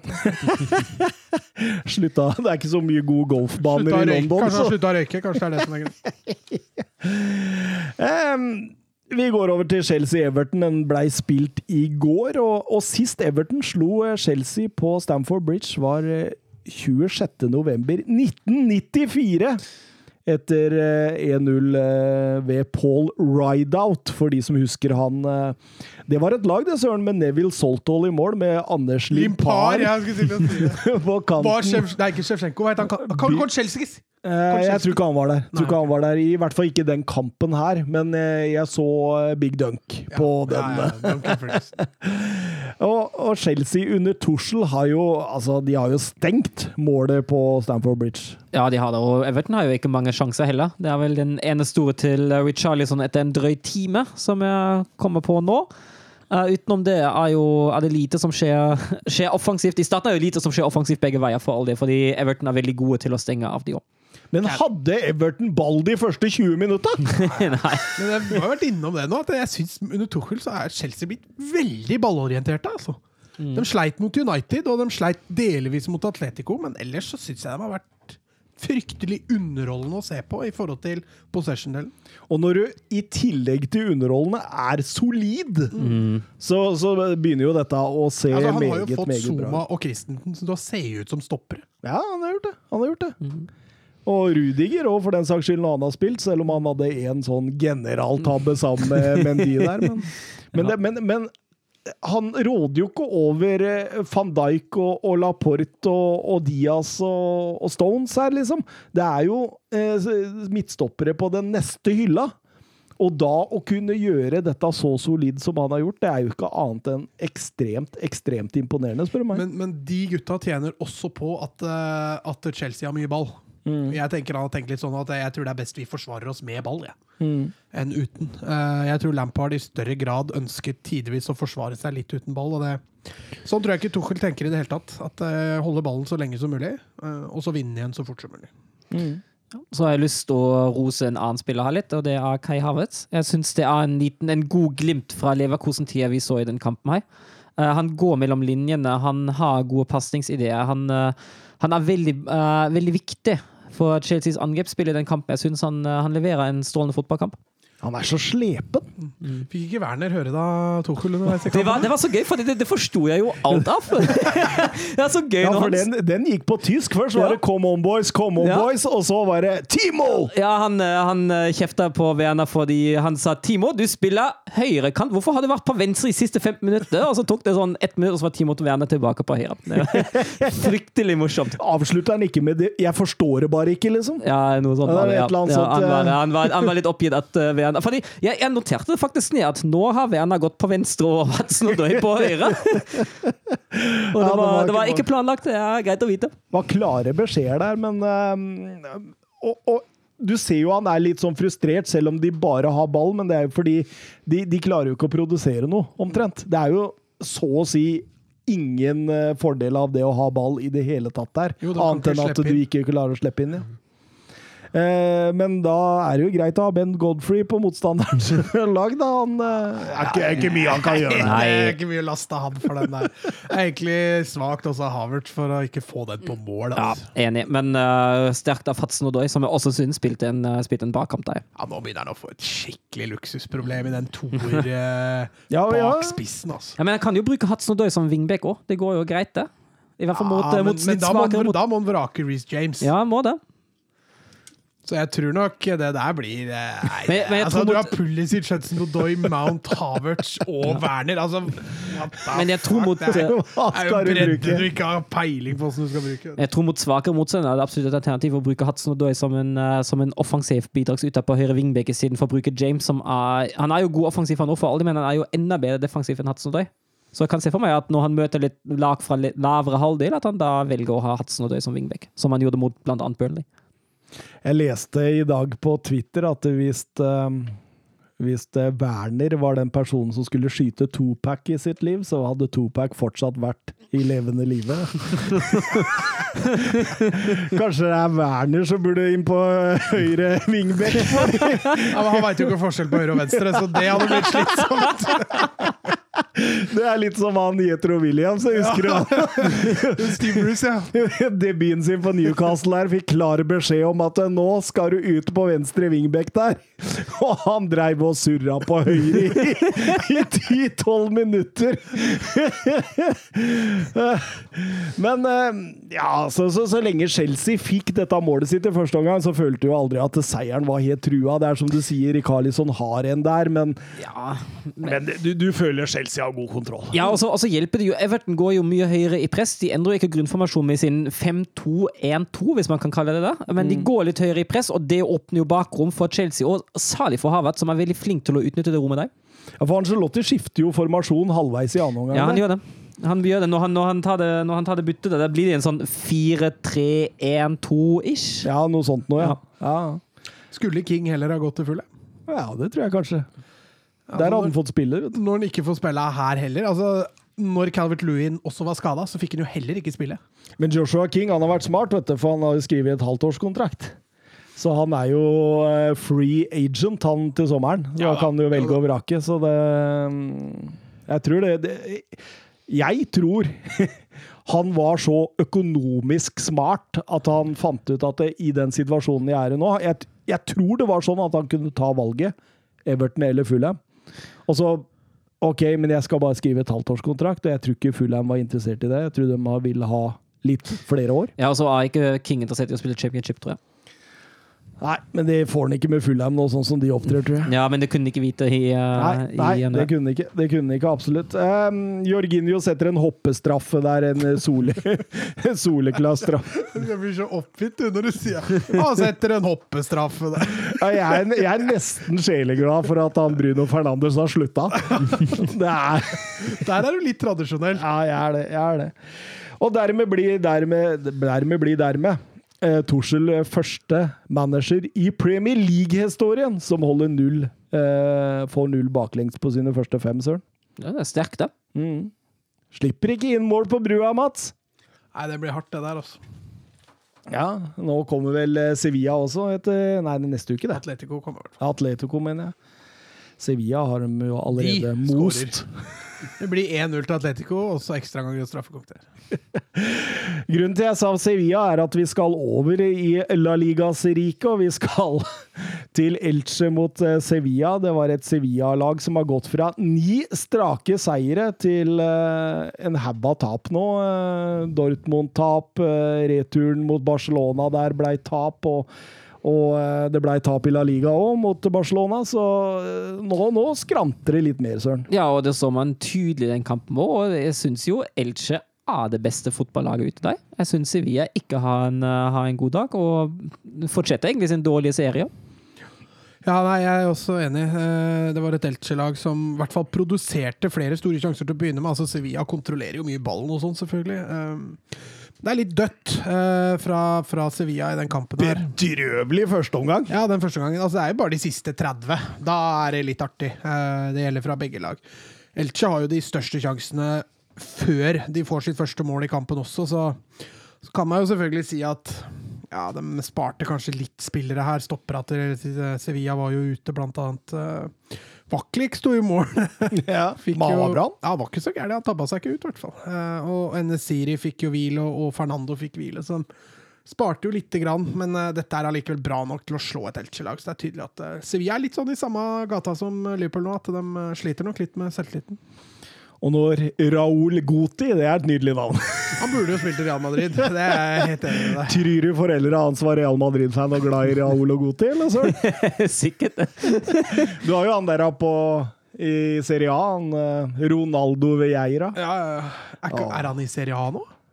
Han dro vel kanskje? Ja. Eller ja, ja, han er Ronaldo Vieira, nå må, dette, dette må vi google opp. Jeg trodde Var ikke han i Benfica, eller har han gått derfra?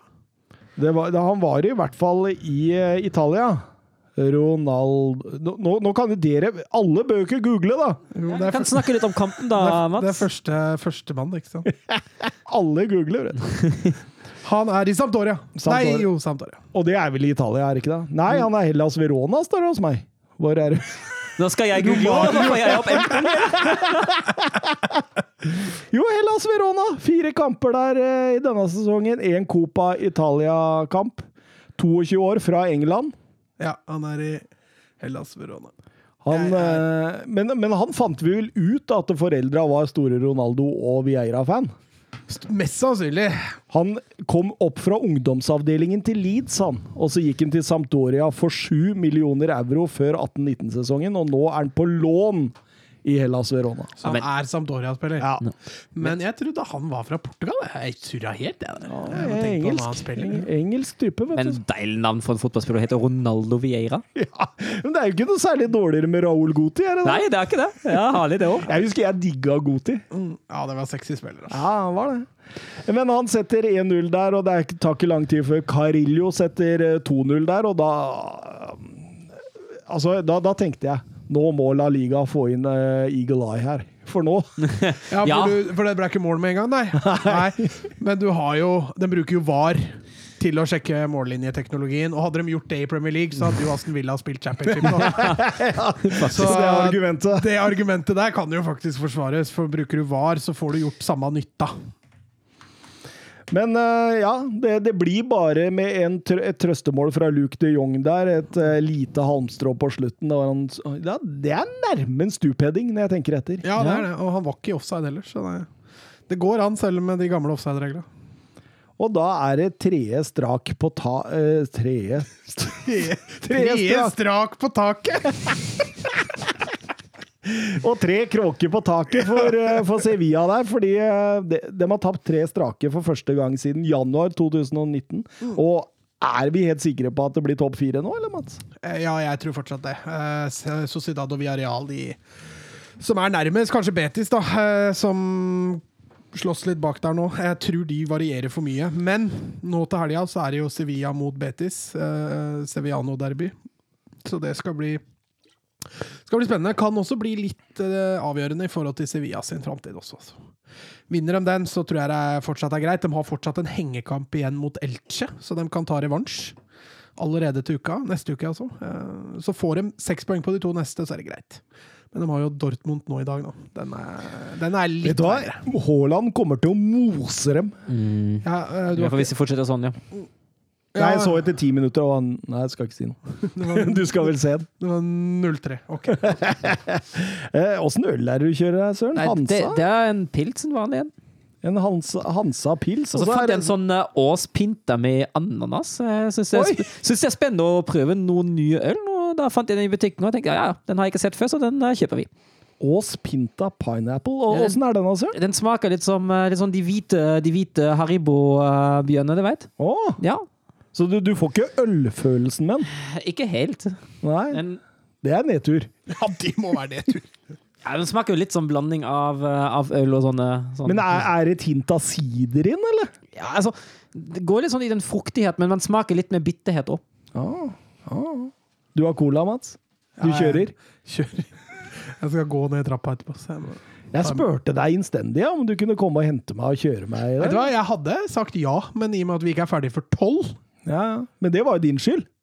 Ja, men jeg kom også med forslag om å utsette podkasten til i morgen eller til i går. Ja, men det går det, til i Hvis hvis vi hadde utsatt, hvis vi hadde utsatt til i går, vet du, så hadde vi vært ferdig. Utsett den til i går.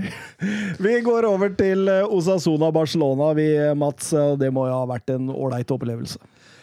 Ja, det blei i hvert fall det til slutt. Uh, igjen så er jo jeg nok litt mer nervøs. Dere som er, uh, sitter og sett den kampen her med, med nøytrale øyne. Ja, jeg heier på Barca, jeg òg, da.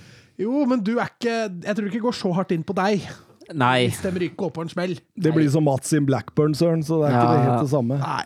Så eh, Men, men allikevel, da. Det Barca har jo grei kontroll på kampen, og når de først får 1-0 der Jeg syns de sliter med å skape sjanser, altså. Ja, og jeg, sy jeg syns det liksom er så fascinerende at en av grunnene til at de sliter, er fordi Torres som høyre, høyre, høyre kant til Osasuna Han var bra, ass. Ja, han var bra, og så faller han tilbake i fembeksingen og hindrer at Barcelona kan vende ut uh, på, på Rodi Alba, men så følger han ikke med på 1-0 i det hele tatt når Alba sniker seg unna i ryggen. Så grunnen til at Barcelona ikke skaper sjanser, er også grunnen til at det står 1-0 etter 30. Uh, ja, det kan du for så vidt si. Og så syns jeg det er et savn, altså, når du spiller med to spisser, og ingen av dem løper særlig bakrom. Ja. Altså, du har ikke den bakgrunnsrusheren. Én ting er at du angriper mye mot etablert, um, men, men når du først har muligheten til å kontre, så får du ikke kontra, på en måte, for du har ikke noe løp i lengderetning. Det, det hemmer dem litt. Grann. Det ser du med Dembélé, så får du en annen type spill. Det jeg la mest merke til, det var at det var en voldsomt defensiv strekk i Barcelona-laget. Mm. Det var så store rom mellom linjene, og, Avstand. og Osa, var jo gode til å utnytte dette.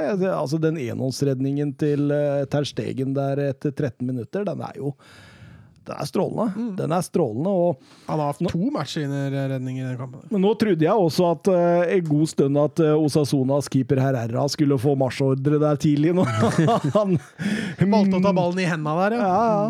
Men Messi var offside, og um, det kan de vel takke Gud og hvermann for. Men hvis de spiller slik som de gjorde her, defensivt, eh, mot Paris Saint-Germain, da tror jeg faktisk at det Da, da kommer Mbappe til å mose dem. Ja, men jeg, jeg tror Altså, jeg ville faktisk fortsatt jeg med den trebekslinja, sånn som de har gjort, bare for å få backup til høyrebekken mot Mbappe. Skal de spille med fire bak, sånn som de gjorde i første kampen, så nei, da er det nesten så du kan slå av den kampen etter første gang, tror jeg. altså. Men Jordi Alba han setter 1-0 etter en halvtime, Mats. Ja, veldig kontant òg. Den gjennombruddspasningen til Messi der har vi jo sett eh, ganske mange ganger før. Og som Søren nevnte, Roberto Torres og Nacho Vidal blir jo ikke enige om hvem som skal ta Alba der, og da får han jo fritt leide og banker han opp i nettaket. Skrotthold aleine med Herrera. Det er nærmest sånn telepatiske evner mellom Messi og, og Ja, og det skjedde jo flere ganger i kampen. Det er flere sånne nydelige loppasninger som eh, Messi har i retning Alba, som bare er helt perfekte. Og som Alba timer løpet sitt perfekt, og det er nydelig å se på. Ja, nå ser de møte hverandre òg, da. Det er litt sånn Kane-sonen over det. Mm. Det er ikke sånn at det er tilfeldig at det er de to hver gang, liksom. Eh, Du ser jo Nei, det at eh, det Messi liker jo å dra seg inn på venstrebeinet sitt. Artig at du nevner det, for av Albas 16 siste mål, så har Messi assistert den på åtte av dem. Så det er, det er ikke tilfeldig, nei. Ehm, men ehm, ja, jeg, jeg, jeg syns jo eh, Osasona utover i kampen de tømmer jo seg mer og mer, og det blir jo større og større overgangsmuligheter den andre veien. Og, og jeg, jeg var litt overraska over at Barca ikke tok flere av dem. Ja, men det var jo som jeg sier, da. Altså, de, de verdsetter mer av å holde ballen i laget og flytte hele laget opp på motstanders banehalvdel, framfor å, å gå i bakrom og utnytte rommene som blir bak bekkene. Da. Men de, de er ikke interessert i det. Du ser Grismann møter oftere enn han stikker. Eh, Messi ser man jo nesten ikke i bakrommet. Hadde vel et par initiativ bak der, men uh, det er vanskelig å, å, å skape kontringer når du ikke, når du ikke har løp inn bak. Vet. Men Barcelona har en unggutt ved navnet Moriba. Det har de. Ja, Ja, nydelig. Nydelig unggutt. ja satt 2-0 der. Ja, da var det Messi sin tur til å assistere Moriba. Han assisterte jo Messi forrige match, og med skeiva så banker han den ballen opp i lengste, lengste hjørne. Deilig, deilig. Og jeg syns Pedri var veldig instrumental i denne kampen. her. Han har vel 100 touch på ballen, og det er den yngste med 100 touch i La Liga siden Oppda begynte å regne det i eh, 05-06-sesongen. Så det, det, det er strålende. Eh, vi fikk noe eh, Barcelona-spørsmål. Eh, Van Dahl han sa fortsettelse til sagaen om Martin Braithmate. Må vi ha euroene på tørk? Venter i spenning. Barca-gate, sa du? Ja, jeg skal få lagd kapittel to og tre, altså. Jeg lover det. Jeg syns det var veldig gøy når jeg lagde det siste òg, så at det blei litt artig for dere andre, syns jeg bare var kjempegøy. Så. Men jeg har ikke hatt tid til å skrive kapittel to nå, så det, dere får bare tilgi meg. Og så skal Episode 101, eller? Ja, det, jeg, jeg skal få det ferdig nå. Jeg har begynt. Eh, så kapittel to kommer på 101. Du er, eh, du er tilgitt med tanke på at eh, du holdt ti spørsmål i dag. Det tar litt tid. Det gjør faktisk det. Jeg er helt enig. Ja, det er jo én ting. Eh, men altså, nå har det vært så mye den helga her med flytting og sånn, sånn som jeg sa i stad, så jeg, jeg har rett og slett ikke fått tid altså, til å skrive ferdig. Jonathan Hobber. Også, jo, jeg tenkte på det òg. Det er en oppfølger. vet du. Alle toerfilmer og sånn, det er søppel! så det tenkte jeg litt på, at fallhøyden nå er jo så stor. Og det er litt kjipt, så du må, jeg må kontrollsjekke dette. Altså, Må jeg- gjøre det skikkelig. Jeg må gjøre det skikkelig, ja. Jeg gidder ikke å lese opp noe ræl. Eh, Jonathan Hobber. Eh, tankene til Mats rundt valget av La Porta som ny president. Og ryktene som sier Alemani som sportsdirektør. Han, det er jo ikke sportsdirektør, for der går vel Jordi Cruyff inn? Ja, det er teknisk direktør. Ja. Uh, technical director. Uh, men, men jeg er veldig Vi tar litt Barcelona, Barcelona. Ja, altså Alle de tre er jeg kjempepositive til. Altså Alt Cruyff blir til, blir jo til gull. Samme om det er sønnen eller dattera. Ja. Så Jordi Cruyff inn der, kjempegøy. Eh, Jeg har jo hørt litt på dokumentarer og sånn hvor han har vært med, og han har jo mye fornuftig å si, så jeg, jeg tror det blir bra. Almani har jeg jo, kjente jeg litt fra Valencia-tida. Signerte jo et par solide investeringer i Valencia, så den, jeg er positiv til han også, men eh, kjenner han kanskje litt for dårlig. Laporta blir eh, strålende, altså. Eh, det er lenge siden jeg leste et par Twitter-ruter der, så nå har ikke Barca hatt en Nå har Barca hatt bare kriminelle presidenter siden 2010. Nå har sikkert Laporta litt svinn på skogen, altså. Det skal ikke skyves under en stol, men eh, jeg tror han oppriktig, genuint ønsker Barcelona sitt beste. Og han har de der mer enn en klubbverdiene i langt større grad enn Bartomeu og Sandro Rosell hadde. Problemet her er at han overtar jo en vanvittig gjeld. Altså, vi snakker ti milliarder kroner, holdt jeg på å si. Det er, det er så mye penger, det, at eh, Spørsmålet er hva de får gjort, altså. Spørs hvor mange euroer som henger til tørk etter Bartomeu. Det er mulig de finner noe på, på tørkestativet i kjelleren der. Altså. Det kan godt hende de gjør det. Eh, Men eh, nei, jeg syns i hvert fall den tida vi går inn i nå, er veldig spennende. Og jeg tror jeg heller litt mot at Messi skriver under ny kontrakt. Men, men, men dette var jo altså favorittpresidenten til Messi også. Ja, han, Etter hva jeg skjønte, så var det han han stemte på, sammen med Busquets og Jordi Alba. Og alle de Ja. som stemte, stemte på han, skjønte jeg. Og han eh, vant vel ganske overlegen foran Font. Ja, stemmer. Eh, begge de to er jo på en måte Cruyff-eraen. Altså 4-3-3, vi skal dyrke La Masia, det opplegget der. Mens eh, Bartomeo og den gjengen der Altså, jeg tror Det var mer kommersielle typer. Ja, og, og jeg tror han som sto på den fløyen, da, som fikk mest stemmer, han fikk bare 10% Så det var jo åpenbart at Barcelona her vil ta tilbake den opprinnelige mm, på en måte nederlandske måten å tenke litt på, i form av ah, ja, 4-3-3-systemet av å dyrke Messi som, mm, som eneren og, og kjøre på med masse La Masia-produkter. Det, det virker jo sånn. Ja, og jeg gleder meg veldig nå. Jeg tror det her blir bra, men, men noe sånn quick fix, det får de jo ikke til. Så vi, vi må gi dem litt tid. eh, og så bare håper jeg Laporta blir i mange år framover. At eh, han kan bygge opp dette på nytt, for det var jo han som bygde det laget som Sandro Rosell begynte å rive i 2011. Det blir spennende tid, Søren. Det blir jo det. Og det kan jo egentlig bare gå oppover. Det er helt riktig, faktisk. ja ja, de ligger jo på andre, da. Jo, for all del, men eh, sånn rent Rent det som skjer i og rundt klubben, kan det Ja, det har skada klubben, det som har skjedd. Altså, Renommémessig ja.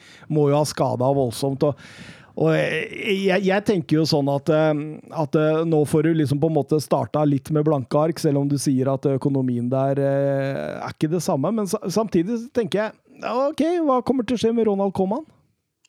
Ja, den også er jo spennende, men nå kom jo de siste ryktene som gikk ut derfra, er at uh, Laporte er positiv til Koman. Så det er godt mulig at han får en sesong til, eller to. Og han har jo bevist at eh, jeg bruker La Masia-produkter. Ja, og det er jo nettopp det. Dette snakka jeg vel om sist også.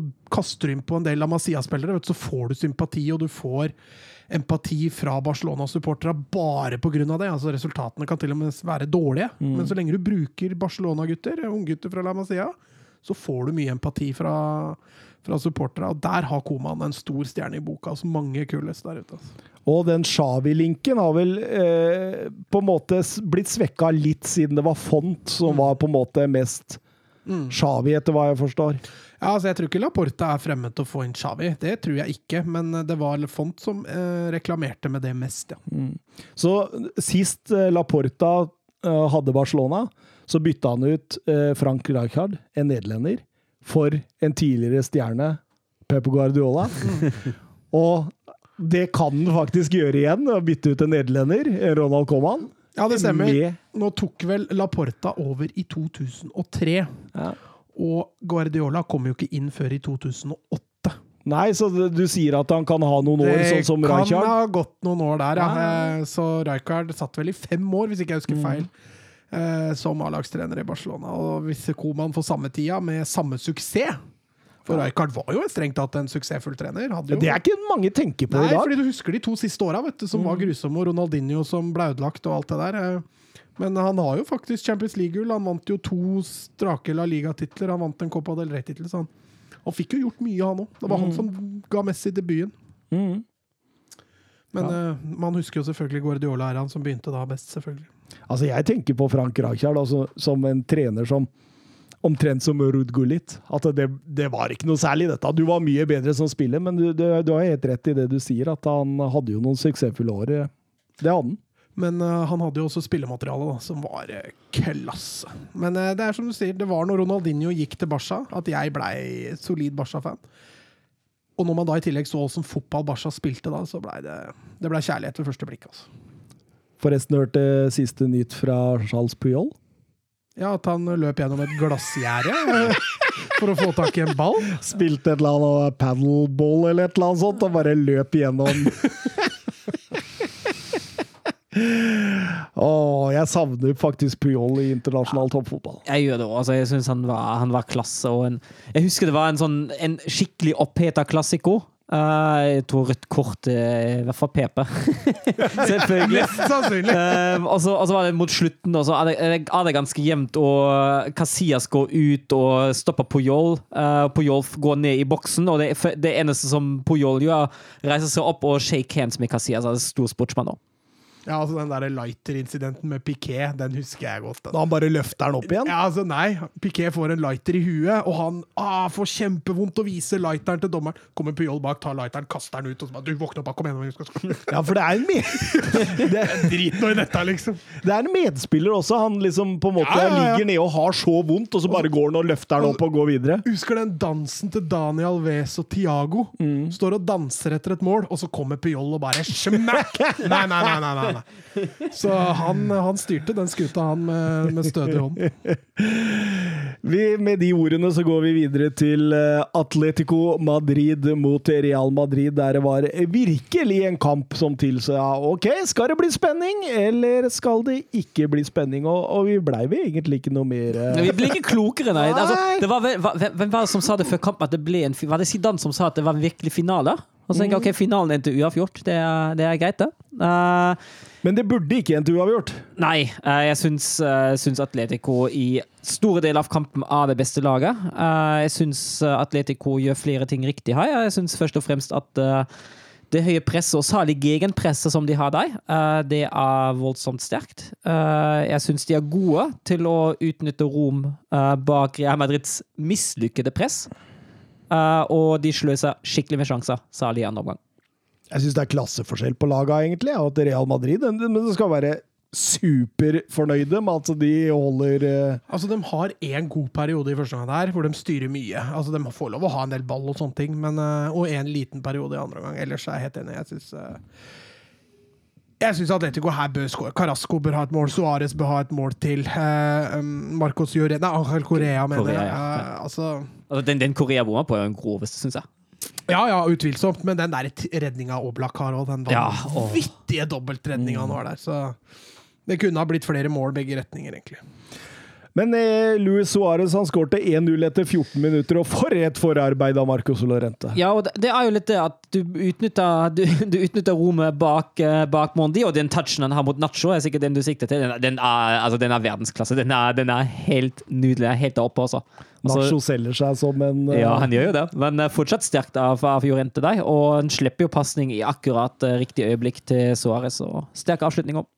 Og når Simeone setter seg ned etter den målet, så ser du han har et lurt smil. Og der tenker han nå spilte en Real Madrid-reject til en Barcelona-reject. Og 1-0 til Og han kosa seg, det er jeg helt sikker på han gjorde. Ja, for det er flott avslutning av Suárez òg, med yttersida av høyre der. Utvilsomt klasse. Em, det jeg tenker på nå, eh, det er jo det at eh, det som vi er inne på, at Atletico Madrid burde skåret både 2 og kanskje 3-0. eh, Men så kommer en hens på Felipe der. Var ute og sjekker, og, og Gonzales Gonzales i VAR, han sier nok en gang til Hernandez, Hernandez Hernandez. og da spør eh, Geir Halvor Geir Halvor Kleiva på Twitter her. Geir Halvor, Geir- det er Geir Halvor Kleiva Kleiva. Eh, han spør ikke direkte om denne situasjonen, men han spør sånn generelt, og vi tenkte det var greit å få det inn her. Eh, Hvordan syns dere egentlig hens-regelen bør være?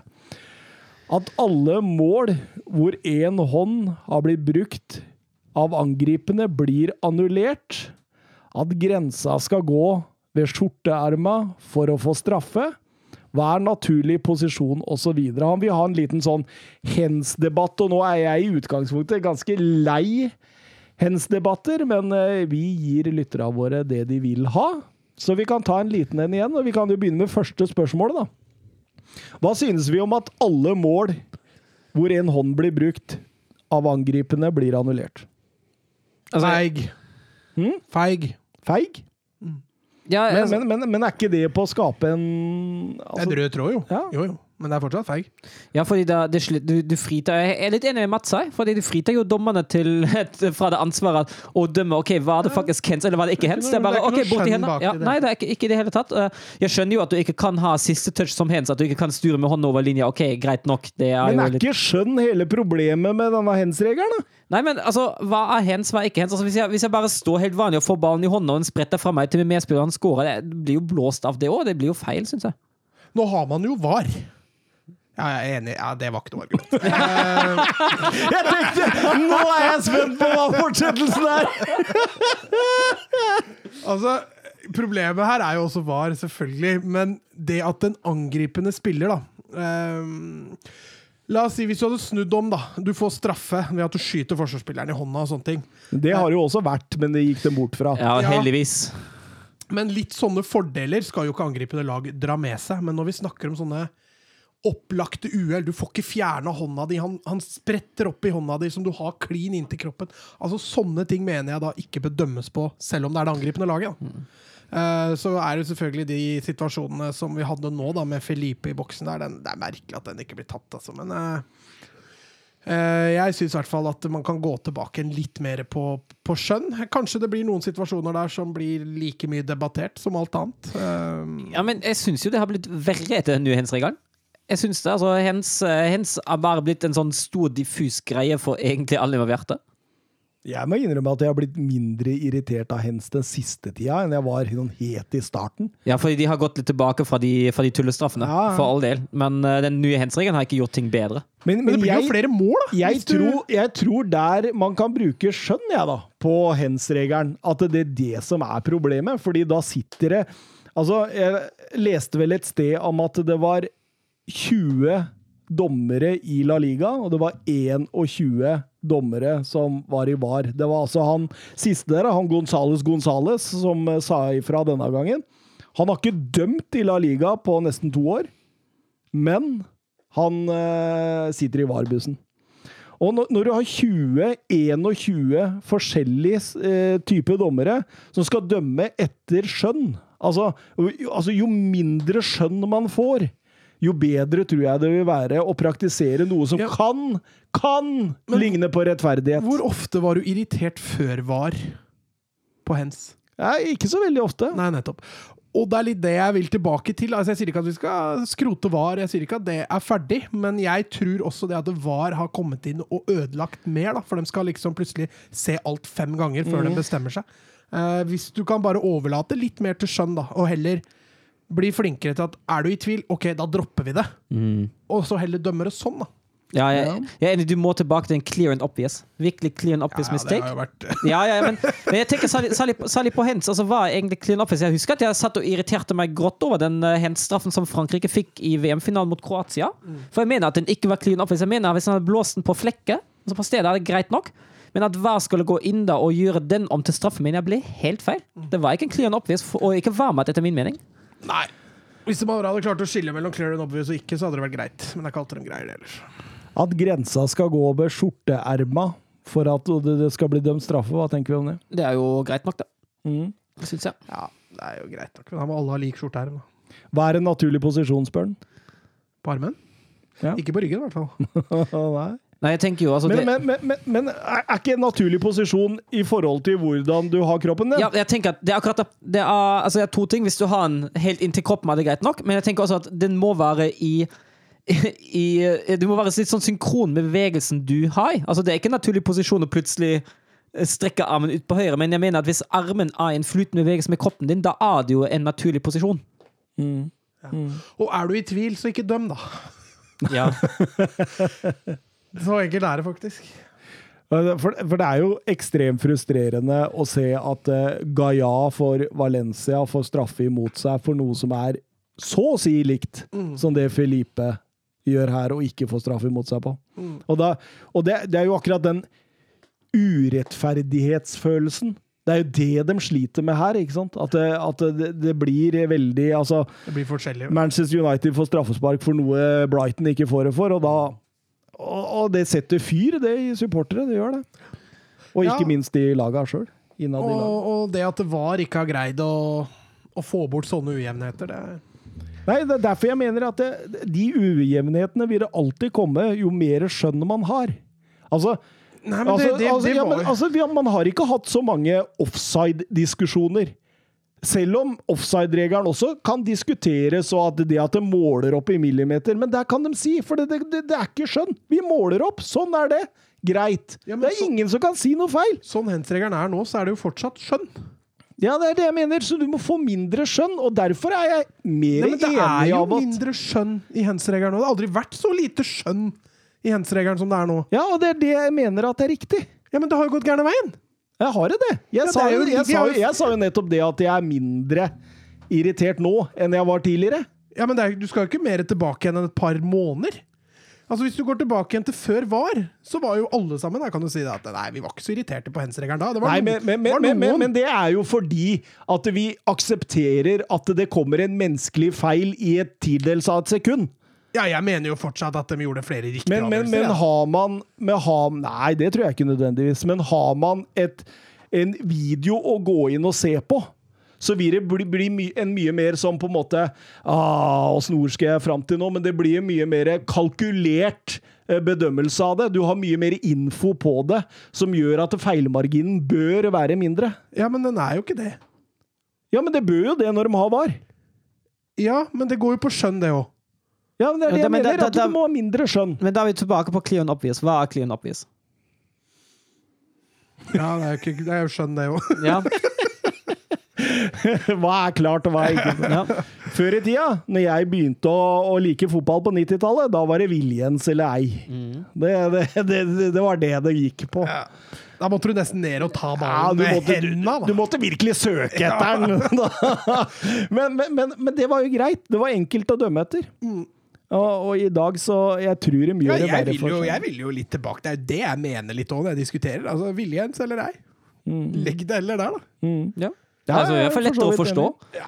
Og det vil bli mindre skjønn, som gjør Ja. igjen at, Ja. Uh, at uh, dommere vil få det enklere, og VAR vil få det enklere. Ja. Det er helt klart. Og, og det blir mindre av de der ah, gråsonedømminga. For det er det du får mer av med VAR også. Fordi du skal sjekke absolutt alle gråsoner, ikke sant? Ja, og det, det er liksom det som var egentlig ikke skal. Sjekke gråsoner. Ja, men de gjør jo det. Ja.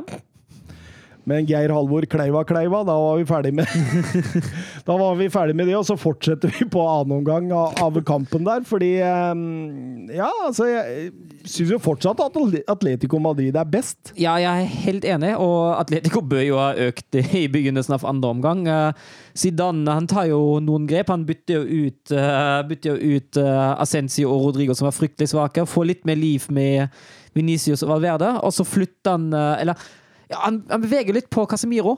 Casemiro blir jo en, eh, blir en spiller som løper mye mer mellom linjene, og det er jo noe som hjelper litt, i hvert fall. Jeg tror du setter Atletico litt ut av spillet her når du plutselig får Casemiro i tierrollen.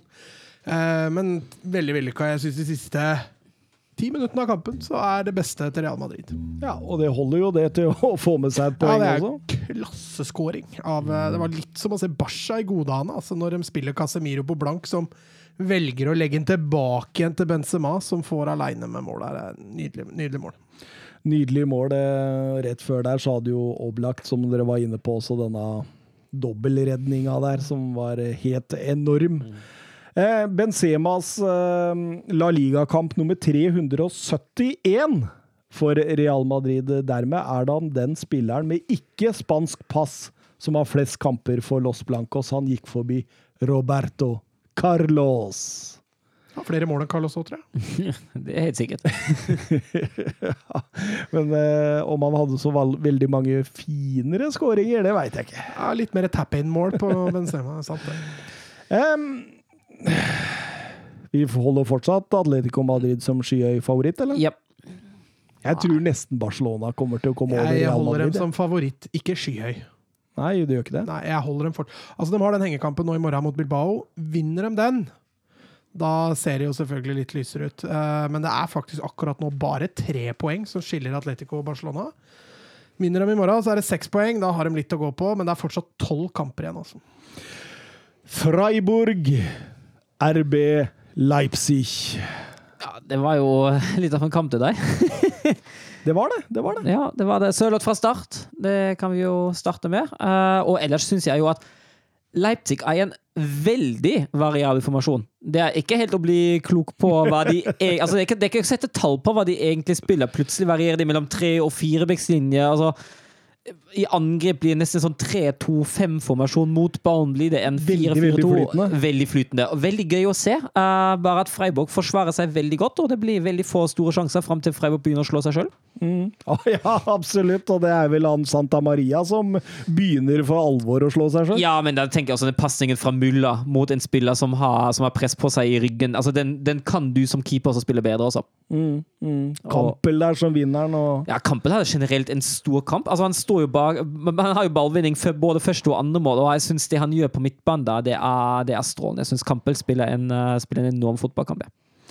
Det var litt synd for Christian Streich, dette her, fordi eh, de eh, hadde virkelig klart å stoppe det offensive i Leipzig, Ja. Mats. Ja, men de lå jo godt an i på for, foran på kampen òg, på tabellen, altså.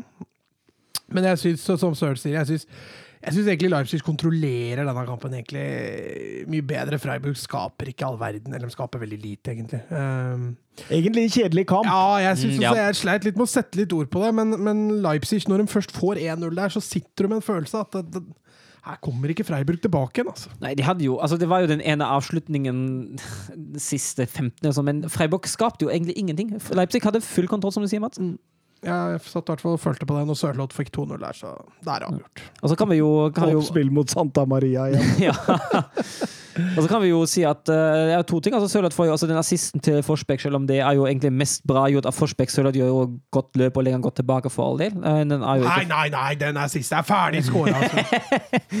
Og så får jo Sørloth faktisk 90 minutter. Han bytter jo ut, uh, bytter ut for eksempel Poulsen før han Han bytter ut bytter ut Sørloth. alle andre. Ja. Sørloth er jo eneste Ja. som ikke blir bytta ut. Ja, og det er jo godt tegn, det òg, for Sørloth. Det blei jo en behagelig reise for Leipzig til slutt der. Det blei det. Det ble det. Eh, Jeg Glenn tror Weber ikke Sørloth får starte mot Liverpool. Nei, jeg tror ikke jeg heller. Tror ikke jeg heller. Eh, Glenn Weber på Twitter. Sørloth i ferd med å få et lite gjennombrudd? Spørsmålstegn. Og er Freiburg Bundesligas kjedeligste lag å se på? Greit nok at Streich har gjort det bra, men trekker paralleller til Burnley i Premier League. Uh, jeg syns Sørloth begynner å komme seg veldig i, uh, i Leipzig. Han var dessverre også, også brukbar i cupen mot Wolfsburg, som endte med 200-seier til, uh, til Da Leipzig. kom han jo inn Ja, men og da snudde det helt. Eh, Wolfsburg hadde jo stålkontroll, og så kommer Sørloth, og så vips, er det 2-0 til Leipzig. Nei, men jeg sy- syns man ser virkelig at han begynner å forstå hva Nagelsmann vil av ham, hvilke bevegelser han vil, hvordan Nagelsmann vil spille fotball. Han forstår det bedre og bedre. Han spiller bedre og bedre sammen med sine, med sine medspillere, og han, eh, han passer bedre og bedre inn i det offensive spillet til Leipzig. Jeg syns Sørloth beveger seg mer nå. Ja, han gjør det. Hvorfor har han ikke bare gjort det hele tiden? Må komme inn i bevegelsesmønsteret, vet du. Jo, Men å bevege seg trenger jo et mønster for å Ja, bevege deg. skal du bare bevege deg for å bevege deg? Ja. Det er bedre det enn å stå rolig for å stå rolig. i hvert fall. Jeg vet ikke, har du, hvis du har hørt om Ivica Olic Har jeg hørt om han? ja, Jeg ble fryktelig frustrert med ham. At han, han alltid måtte løpe ut til venstresida og lot sentrum umarkert. Jeg tenkte jeg bare, herregud, bli stående. Det handler ikke om å løpe mest, det handler om å løpe smart. Altså. Men kort, Søren, er Burnley, Burnley eh, og Freiburg likestilte? Jeg, jeg skjønner hva, hva Glenn Wever vil, ut til, vil med her, fordi jeg syns når Freiburg møter de store lagene, ser det, det ser Ja, litt det sånn litt det jeg skulle påpeke. Jeg Ja. syns ikke det er sånn når de møter Nei, eh, det er akkurat det. det, er akkurat det. Jeg synes når, de, når de møter lag som ikke er de store, uh, da ser det litt annerledes ut. Uh, men jeg er helt enig i observasjonen når det gjelder Freiburg mot de store lagene. Det blir litt sånn Burnley-aktig. Men altså, de, de har jo hatt uh, fine, underholdende kamper uh, mot lag som ligger litt lavere på tabellen. ja, Og Dortmund var ikke ikke underholdende den kampen heller.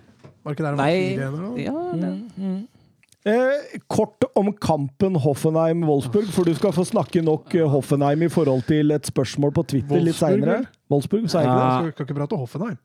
Ja, men Hoffenheim-Wolfsburg, ja, men han får prate nok Wolfsburg etterpå. Ja. Jeg kan jo si at den kampen er jeg ikke fornøyd med. Eh, jeg, altså Kampen i seg selv er jo litt jevn. Hoffenheim går, går tidlig opp i ledelse. Wolfsburg har noen sjanser som de ikke bruker. Men er flere ting å sette fingeren på her. Det første som slo meg, er den in game-coachinga til Glasner igjen. Ok, greit, han, han, Det er godt å høre at han er tilbake. Å, gode, gamle Ja, Søren tilbake! han, stenger, han stenger av sentrum til Hoffenheim i andre omgang. Ok, greit, og stenger dem inne på den måten og slipper at Hoffenheim lager så veldig mye.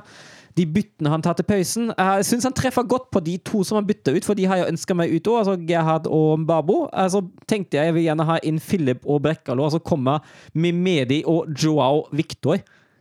Og i hvert fall Joao Victor faller jo helt gjennom, og det er ikke noe overraskelse. fordi Når du har trent Joao Victor i flere år, da skjønner du godt at Joao Victor ikke er en spiller som bryter ned et etablert forsvar. Det skjønner til og med jeg, og jeg har, trent, jeg har ikke trent den inn et sekund engang.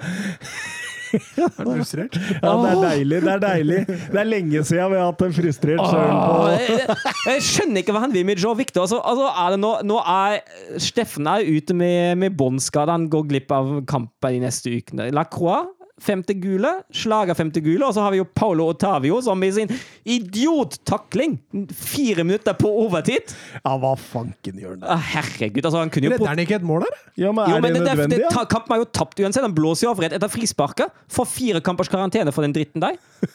Ja, men, eh, Ja, men det er jo er ikke det Solskjær gjorde mot Newcastle? Jo, men da, da kjempa han om poeng. Ja, Ja, var det det, det var jo ikke. to- Nei. det var 2-1. det var 2-1, men Ja, det var jo men. Det var på det var jo overtid av overtid. overtid overtida. Ja, han skåra der, så hadde det i hvert fall vært over. da. Du kan ikke forsvare det. Nei. Nei det, er- det, altså, når, når sportssjefen sitter på tribunen og ser den situasjonen og bare tenker Nei, ikke gjør det, ikke gjør det, ikke gjør det. Faen. Men Men det ser jo fryktelig ut da når han sakser den bakfra med to bein. Men hyggeligere da, Søren. Wout Wegårds er den første Bundesliga-spilleren med 15 plussmål i tre Bundesliga-sesonger på rad, og kun den 31. i Bundesliga-historien! Ja, det er gøy, det. Morsomt. Altså, er- men han, han bør jo skåre for en til. ja, han burde det. Men, eh, men eh, Søren, grunnen til at du skulle ta det kort denne gangen, er at nå skal du få snakke mye Wolfsburg. Fordi Ja, nisselue på, han spør deg spesifikt, så jeg og deg vi kan lene oss tilbake. Men det, det kan godt hende han har noen alternativer som vi kan bli med og drøfte på. Ja, det har jeg. Men eh, kan Søren sette opp det beste Wolfsburg-laget bestående av spillere som har vært innom klubben de siste ti årene? Og da, da har han slengt med et bilde her av Perisic, eh, Kevin De Brøne, Draxler og Seko, så det er ikke noe smågutter. Grafite, er den, er, er den innom? grafite er med vurderinga. Grafic. Graffiti. Graffiti. Grafici. ja. Ja, ja, ja. Nei, men så Søren, da er scenen din, da. Ja, takk. Uh, på keeperplassen da har vi, har vi to vurdere. Uh, det er jo gamle gullakskeeperen Diego Benalio, og så er det nåværende keeper Kon Castells. Uh, det er de eneste to som jeg kommer på. Altså, Marvin Hitz var jo i klubben her nå, men han når ikke de to til knærne engang. Men skulle du ikke sette opp de som ikke er der nå? Nei, generelt. Beste oh, ja, laget som har vært der de siste ti åra. Så ikke noe om at de ikke kunne være der nå. Hva, hva, hva er det det står der? Skal jeg si. Skal jeg Jeg trodde det var eks-Wolfsburg-spillere. Ja. Sett opp av beste Wolfsburg-laget bestående av spillere som har vært innom klubben. Det, kan, det, er- det er rom for tolkning. Ok. Det er rom for tolkning. Ok. For jeg tenker jo å sette opp uh, Kohn Castells. Ja, han har jo vært innom. Ja. Ja, ja, han har vært innom. Har vært innom. Men, men det å ha vært innom, betyr ikke det at han ikke er der lenger? Nei, Jo, det gjør det, jeg, jeg vil jo si at de fortsatt kan være der. Har vært innom, kan være der fortsatt. Nei, nei, for da er han der. Nei, har vært, har vært innom betyr bare har spilt kamper for klubben. Har vært i klubben, og han har vært, Kohn har vært i klubben, har, har vært i klubben siden 2015.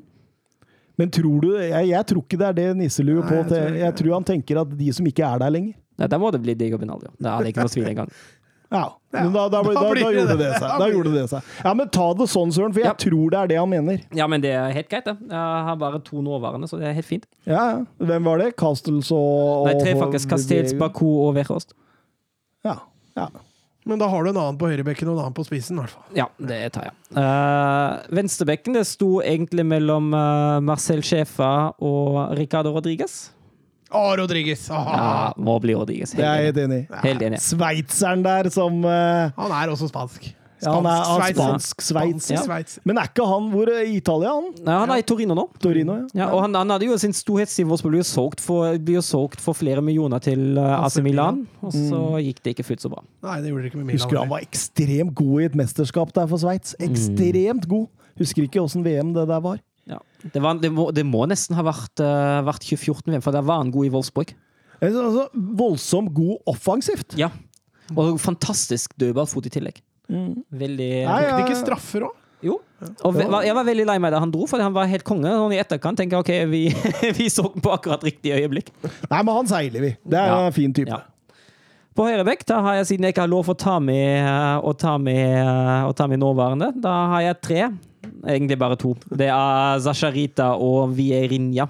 Rita, gamle bekken som vant gull. Vierinja egentlig en offensiv spiller som ble omskolert til bekk og gjorde sakene sine veldig bra. Best tysker i Wolfsburg for målet mot erkerivalen Braunschweig i kvalifiseringen. Jeg kjenner jeg ikke har noen formening der. Nei, det, det, er- det er to spillere som på, man på en måte har sett litt til, Ja. men har ikke noe sånn veldig Så det, det, den må du ta, Søren. Ja, jeg, jeg heller litt mot uh, Vierinha, egentlig. Uh, særlig fordi Rita var egentlig, begynte egentlig å bli litt sånn ferdig for ti år siden. Så da Ja. tenker jeg at det er Vierinja som har satt sitt preg de siste ti åra. Stoppepar. Ja, da har vi jo flere spillere til utvalg. Jeg kan jo komme med de, siden jeg ikke har lov å ta med nåværende. Ja. Ja, han er med, vet du! Han hadde på Han lista. er med. Jeg hadde på lista, men jeg, tok den ikke helt, jeg nådde ikke helt opp. De fem jeg har på lista, er Simon Kjei, Andrea Basali, Arne Friedrich, Robin Knorre og Naldo. Da føler jeg du nevnte de to beste først, jeg. Syns du? Kja og Basali? Ja, Barzagli kommer vi vel ikke utenom. Det er Nei, vel en aldri så liten legende. Eh, Kjær, hvor, hvor var han bra i Wolfsburg? Nei, han var ikke det. Han var helt katastrofe i Wolfsburg. Ja, for Naldo var bra. Ja. Men skal vi ta de som har vært bra i Wolfsburg, eller bare de beste spillere her? Ja, for da er jeg enig med deg. Da må Ja. Kjær med. Hvis det kommer til beste spiller, er jeg helt enig at jeg ikke har. Hvis det kommer til best prestasjon i Wolfsburg, er det Naldo som tar plassen ved siden av Ja, men det må jo være spillere du var glad i i Wolfsburg, tenker jeg. Ja, det tar, det tar, det tar jeg Naldo. Kja, Kja nådde dessverre han, han holdt ikke det han lovde da vi signerte den, dessverre. Til slutt. Så da blir det Naldo. Hvor er det dere signerte han fra? Jeg tror, å, Kommer ikke han fra Italia? Et sted eh, Perugia, tror jeg han kom fra. Ja. ja. jeg. Nei, jo, kanskje. Jeg tror han kom fra Italia. Ikke sikker. Mats fra med googeren, så Han kostet i hvert fall 12 millioner euro, som på denne tida var jo en enorm sum. Ja, men han var jo et stort talent. og- Ja, han var det. Han var det. Og så ble jeg skikkelig glad i jentene, og så ble jeg litt sånn skuffa da han ikke presterte som han skulle. Men jeg tror han kom fra Perugia eller noe sånt. Mm. Uh, ja, vil du ha fasiten? Ja, kom igjen. Kjør fasit. Ja, da må du vente litt. Oi, nå fikk jeg dårlig batteri på telefonen. Simon Kjær Eh, Nei, bare gå videre. Det tar litt tid der. Ja, vi kan gå videre til venstre, venstre midtbane, da. Eller vi, vi kan faktisk ta kantene sett under ett, fordi uh... Jo, nå har jeg fasiten. ja. Uh, Palermo. Palermo var det, ja. Å ja, selvfølgelig. Ja. Jeg husker jo noen bilder av han i Palermo-drakta. Ja. Ikke så langt unna, da. Men Nei da, nei da. Vi, kan, vi kan ta kantene samla. det var, det var... Da blei det? Naldo og Barzagli? Det var mye rart som spilte på kanten i Wolfsburg. Det, de, har vært, de har vært en problemposisjon de siste åra. Så kom du fram til fem stykker? Nei, kom fram til, til Jo, Fem, faktisk. Uh, Ivan Perisic, André Sjurle, Daniel Caligiuri, Julian Draxla og Jakob Lasjikovskij. Og to av de er egentlig bare med fordi jeg ikke hadde flere alternativer. Det var eh, Du må ta med Draxler. Koba, i hvert fall hvis det er eh, beste spiller. Nå veit jeg ikke åssen Koba var. Han har vært best Han i var, Dortmund. ja, han var på vei nedover. Han spilte Ja. helt solid, men jeg ble Nei. Men Perisic må inn. Ja, og, Perisic må inn. og Draxler. Perisic, ja, det er de to jeg endte opp med. Og jeg har satt ja. Draxler på venstre og Perisic på høyre. Og Draxler var jo egentlig ikke noe spesielt kantete i, i Wolfsburg. Og så hater hun. Ja, ja, ja, jeg liker han ikke. Det er det lengste han, det er det lengste han strekker seg! Dette er første gang han ikke har sagt 'jeg hater ingen'! Nå strakk han seg faktisk. Ja, jeg liker han ikke. Det er helt riktig. Det, det, det gjorde vondt å ta han med i det laget her, altså. Hadde- Hadde jeg kunnet unngå å ta med Draxler i det laget, hadde jeg, hadde jeg unngått det. Episode 100 måtte vi fram til før han sa 'jeg hater ingen'. Så det var Draxler som var, eh, var det punktet der, ja. Sentral midt, da. Der finner du i hvert fall én, tenker jeg. Der har vi, ja, altså En er jo naila. Det er jo Kevin De Bruyne. Ja. Og så og så har det, det hadde vært Men åssen var han i Wolfsburg? konge. Ja, Det er han som, eh, som båret laget til andreplassen eh, og cupseier i 2015. Ja. Det er jo helt enestående spiller. ja. Um, de andre, og da har vi et fint utvalg av spillere. Og siden jeg ikke har lov Nei, jeg hadde faktisk en til her. Jeg hadde egentlig Maximian Arnold, men han er i klubben, så jeg har ikke lov å ta med ham. Da har vi Diego Ribas da Cunha. Så har vi Svjesjdan Misimovic. Josue. Luis Gustavo. Og så har jeg lyst til å bare nevne Junior Malanda, som var et kjempetalent, men som dessverre døde i en uh, bilulykke uh, i, uh, i januar 2015. Uh, Luis Gustavo. Ja, når det kommer til balansering av midtbanen, er jeg helt enig. Han var jo bra i Wolfsburg òg, var det ikke? Ja, han var det.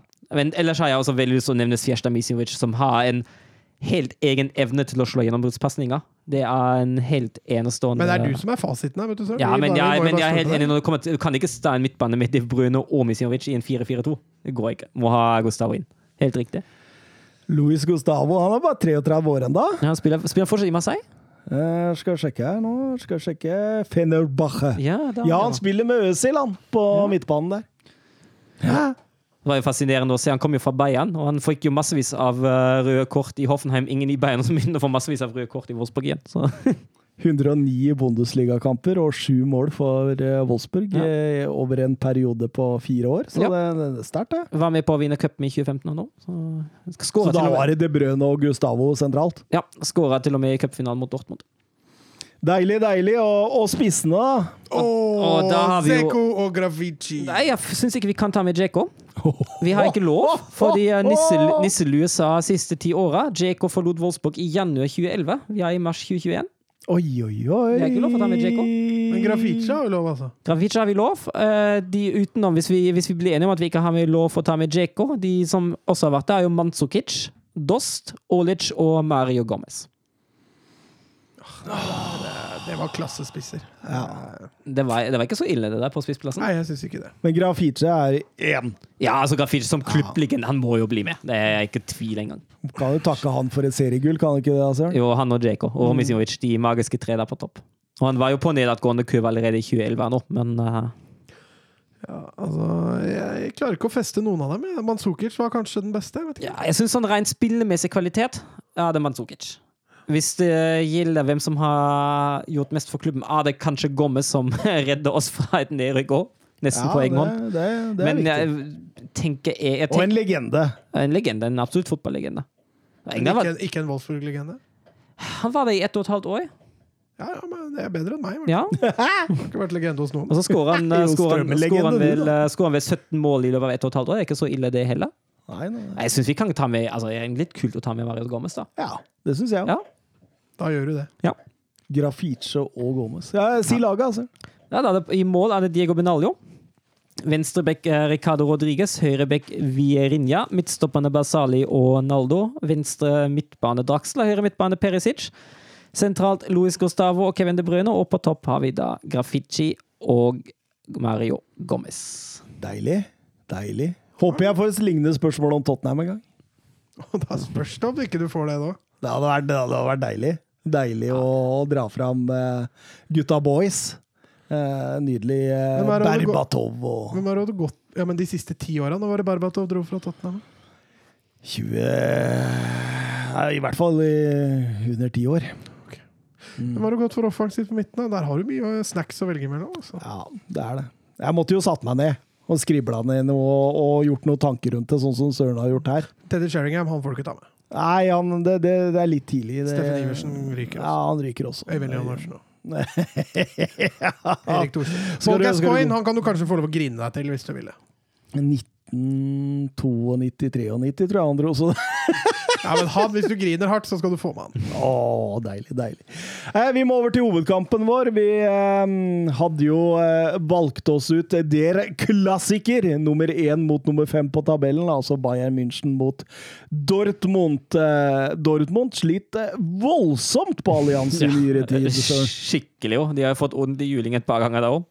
Siste fem kampene på Allianz har endt med fem tap og to 24 i målforskjell, så det har vært skikkelig huskestue fra Bayern München sin sin side. dobla jo måltallien sin da, på den kampen. De gjorde jo det. de gjorde det. Eh, Bayern München vant 2-3 i det motsatte oppgjøret tidligere denne sesongen. Eh, det hadde vi også som hovedkamp, tror jeg. Ja, det hadde vi. Mm. Eh, tilsvarende sist sesong 4-0.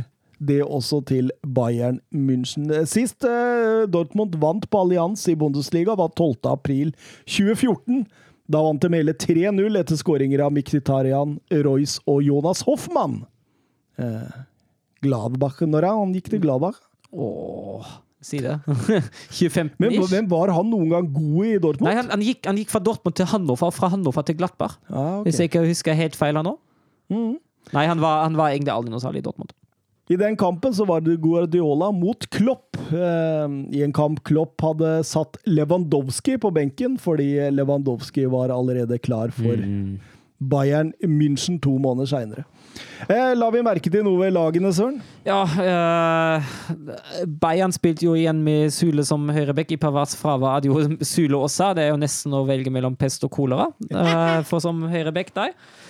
Ellers stiller de jo med egentlig det beste de har. Uh, Goretzka Kimmich sentralt, Komo Sané på kant. Uh, det er ikke noe stort overraskende der. Uh, når det gjelder Dortmund, så det jo veldig ut som en 4-2-3-1. Eh, da, der da, da Hod skulle stå bak bak Haaland. Det var jo flere spillere som hadde skadefravær her. Det var jo Guerrero og Sancho som de mest prominente. Og, Ja, og det, det, det teller en del. ja, det teller en del, og jeg, jo, jeg sa jo det i chatten vi har, at det er veldig synd at Sancho er borte, for det har vært gøy å se Eller det har vært gøy å ha Sancho mot Sule, for alle andre enn Sule.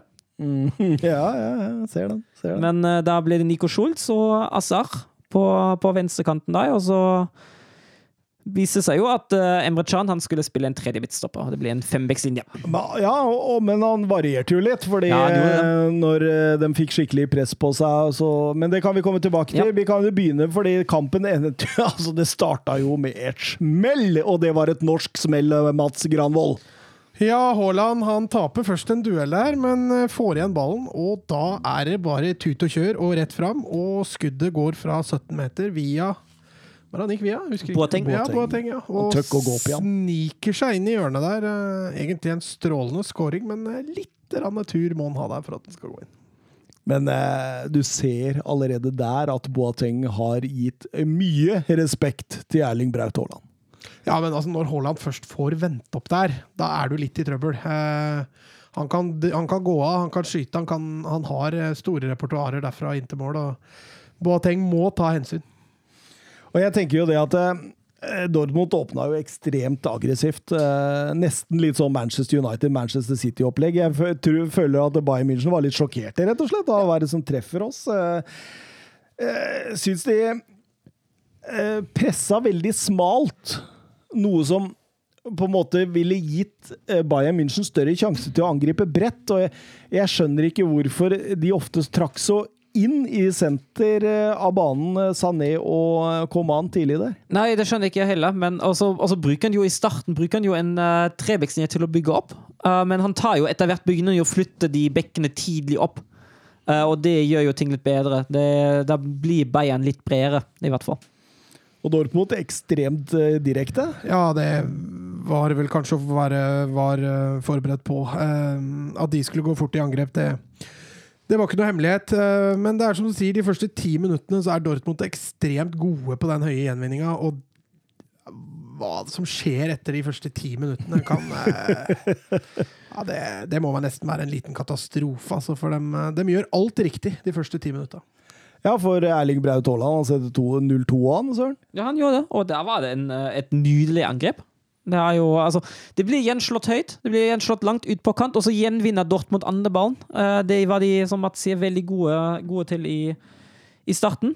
Og så er det ut, god vending ut mot Schulz. Han slipper i riktig øyeblikk til Azar, og Azar legger inn foran målet. Da har Haaland tatt det rommet han skal, Der bruker du rommet bak Syli, ikke sant? Mm. Og det, og det, det, er, det er jo der Sancho burde vært for å skapt enda mer Ah. trøbbel for uh, Bayern Jo, München. men så ser du etter ti minutter der også hvordan Dortmund gjør om litt Uh, Altså Når de vinner ball En ting er at Bayern er fryktelig gode altså, på gjenvinninga, så det er, det er ikke bare bare det. Men Dortmund blir litt mer omstendelige. Altså De skal begynne å spille mer på tvers. Målet er ikke lenger å gå i angrep, men å prøve å holde på ballen. Og når du da i tillegg skal gjøre det på egen banehalvdel, når Bayern står med ti mann på banehalvdelen din, da har du en jobb å gjøre. altså, Og der var ikke Dortmund i det hele tatt. Nei, fordi Bayern München tar jo fullstendig over. Ja, og Dortmund blir fryktelig passive. Uh, og, men det, det handler litt om også at jeg syns den sentrale midtbanen til Bayern løfter seg, særlig Kimmich. Jeg syns Kimmich var fryktelig svak de første ti, uh, og spiller en uh, ganske god kamp etter de første ti. Ja. Eh, vi, vi- det, det blir jo ikke all verdens av målsjanser til Bayern München før Lewandowski setter 1-2. Nei, og så ser du underveis der eh, Han starter jo med denne Trebekslinja, godeste Terzic. eh, og når han sliter veldig der, så ser du han prøver å flytte Chan opp i midtbaneleddet for, å, for å prøve å demme opp for Gor- Goretzka og, og Müller i mellomrommet der, men, men han finner ikke ut av det. Det blir ikke noe bedre. Eh, så lenge de velger å angripe på måten de gjør der, Dortmund. De er, de er altså så dårlige når de vinner ball. Eh, at de får bølge på bølge på bølge der og mot Bayern München, det Men så kunne det blitt 3-0 istedenfor 1-2. Hvis, burde! hvis Meunier hadde Hadde det vært sin. hvem som helst annet i verden Ja. som hadde skulle slått den pasningen. Og det, det er jo litt fascinerende, for den velger jo sikkert Meunier framfor Morey pga. at Meunier gir defensiv trygghet. Men hadde han valgt Morey, kunne det kanskje vært 3-0.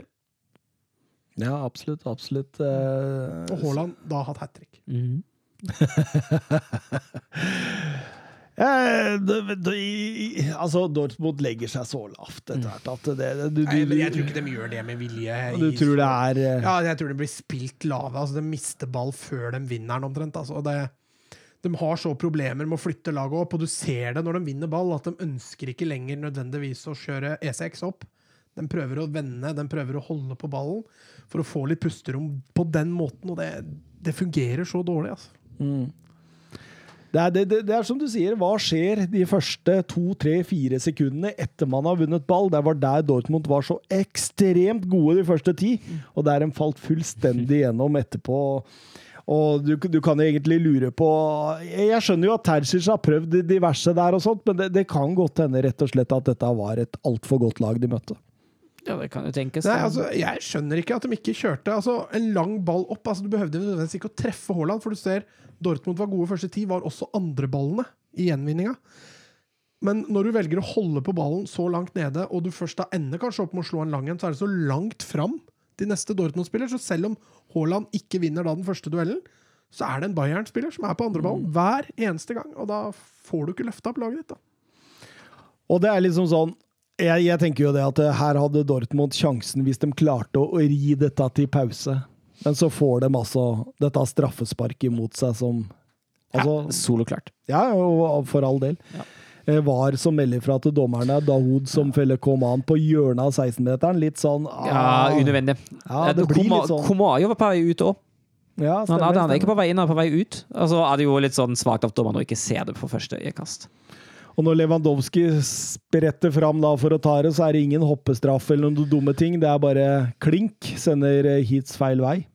Og 2-2, og og det var jo på mange måter drepen, da. Selv om jeg syns jo Dortmund kommer greit ut i annen omgang igjen. Ja, jeg synes de, altså de løfter presset litt, i hvert fall. Jeg syns de holder Bayern godt unna eget mål. De blir litt mer aggressive framover. De blir ikke så fryktelig baktunge, de blir ikke så fryktelig lave.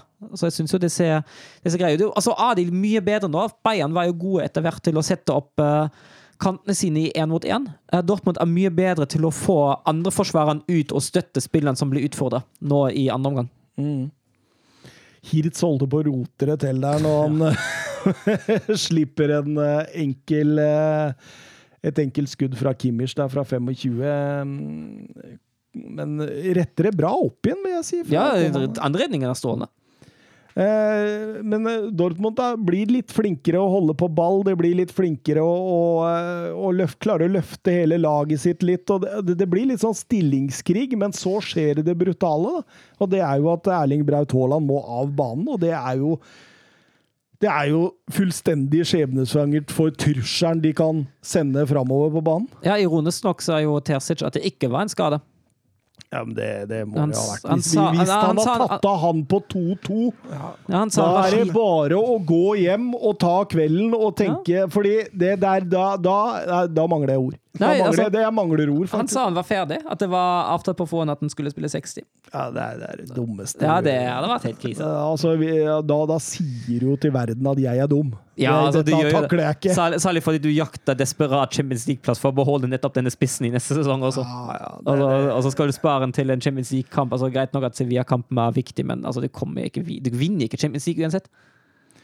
For Sandra spør jo på Twitter eh, har du hørt noe om skaden til Haaland. Ja, han var vel tilbake i startoppstilling i dag, så det var ikke noe større, det der. Så jo som noe skrubbsår han drev og pløya på der, men eh, nei. Um, men jeg syns jo det er en klart roligere annenomgang. Jeg, jeg er overraska over at det ikke blir flere motsatte bevegelser framme i, i Bayern München som ville dratt ut dette forsvaret. De strekker litt på det, fordi jeg syns Müller blir veldig stasjonær utover i annen omgang der. Ja, han blir det, og han var ikke så stasjonær i første. I første vandret han veldig mye på kant mm. og skapte litt overtall der, men i andre er det litt fraværende. Jeg er helt enig.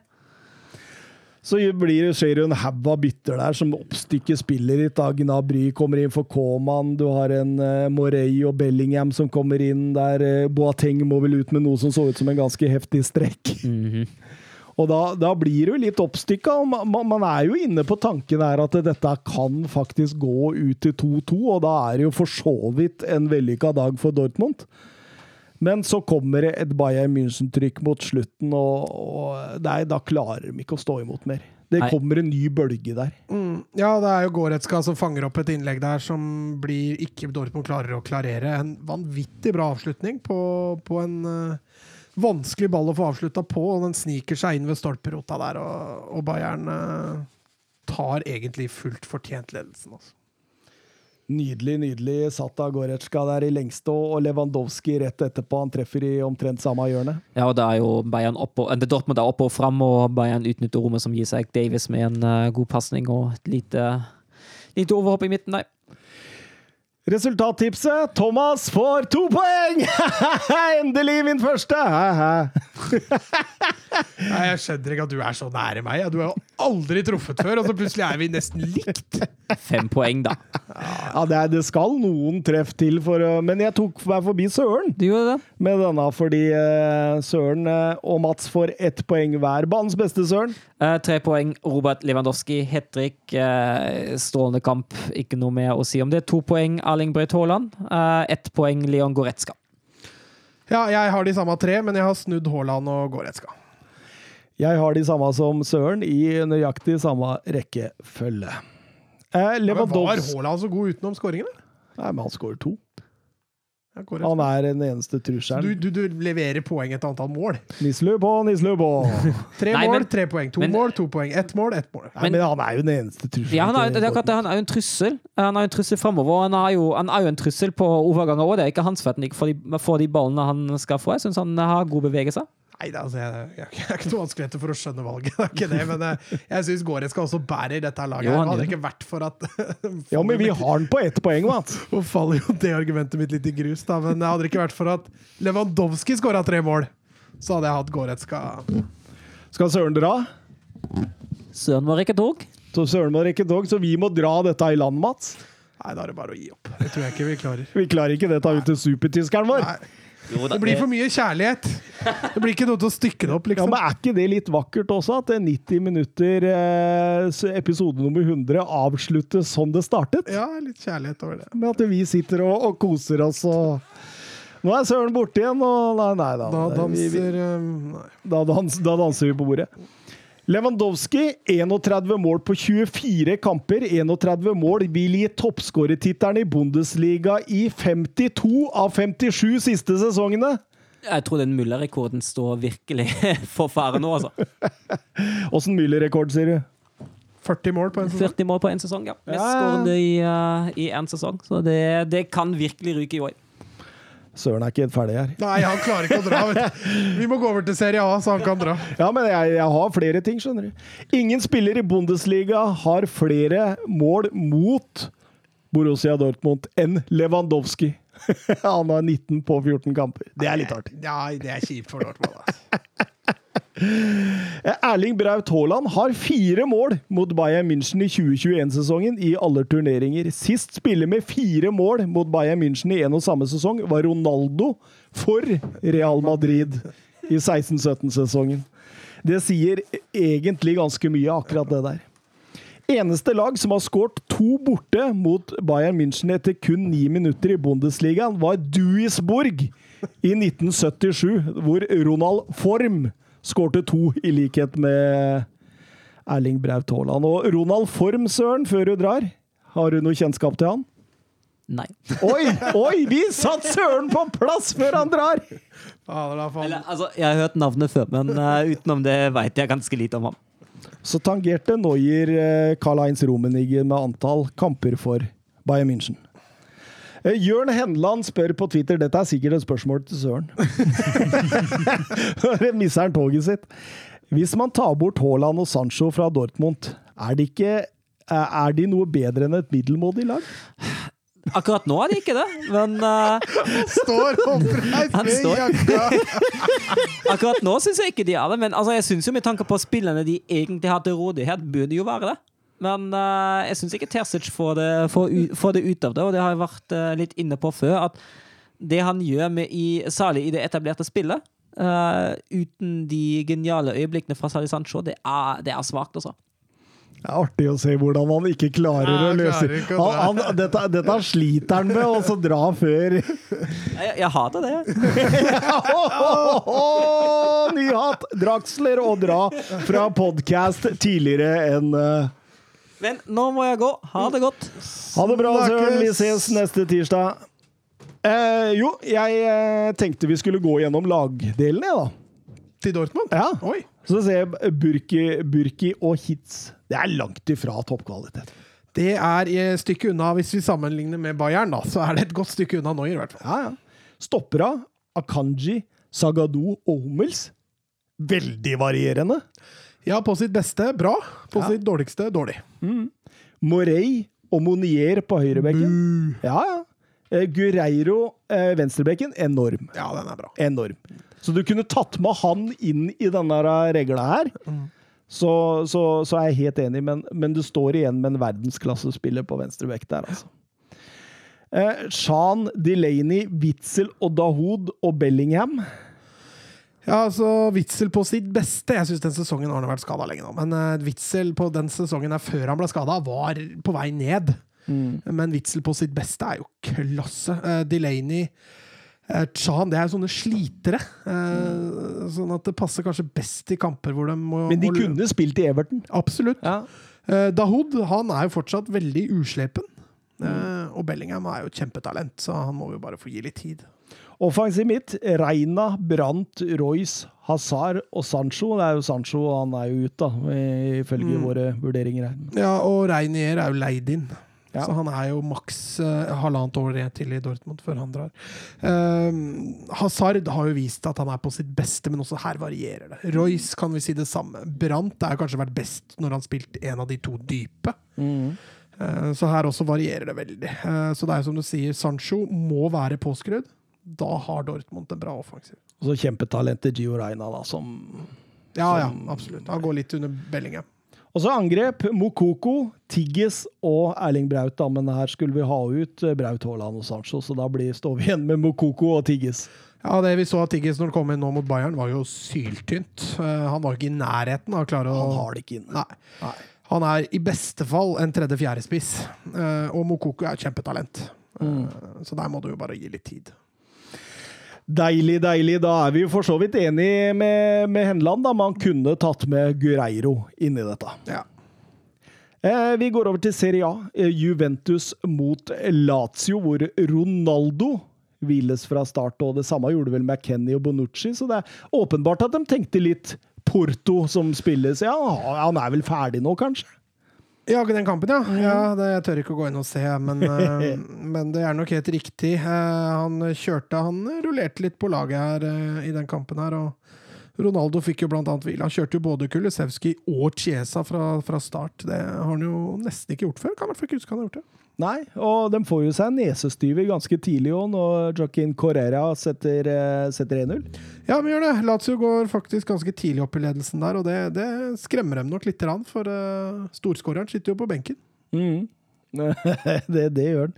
Og, og jeg syns jo Lazio begynner å få dette inn i, i sitt spor eh, etter 1-0. Altså Juventus sliter med å skape noe som helst på, på Lazio-laget. og og, og det, det, må gå godt utover en halvtime. Halvtimes tid. Da føler jeg at det nå begynner maskineriet å, å, sette litt i gang. Du har, eh, du har den sjansen til Danilo der, og, og, og det treffer på 1-1 fra Rabiot der. Rabiot der ja. det, er, eh, det er så makeløst vilt. Ja, han får eh, kanontreff der, og denne skåringa der er jo verdt den første gangen aleine for Juventus sin del, selv om det må, som du sier, da, at det spillet til Juve der eh, varmer ikke veldig mye.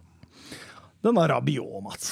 Ja, blir, vi, blir, vi, klok på han? Nei, det gjør vi ikke. Uh, vi avskilta vel han uh, egentlig i fjor, og så har han jo vært varierende. Altså, han har vist innimellom at uh, ja, vi har rett. Ja. Og så har han plutselig nei.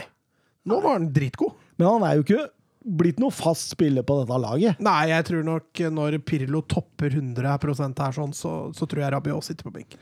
Ja, han har jo garantert toppa i dag.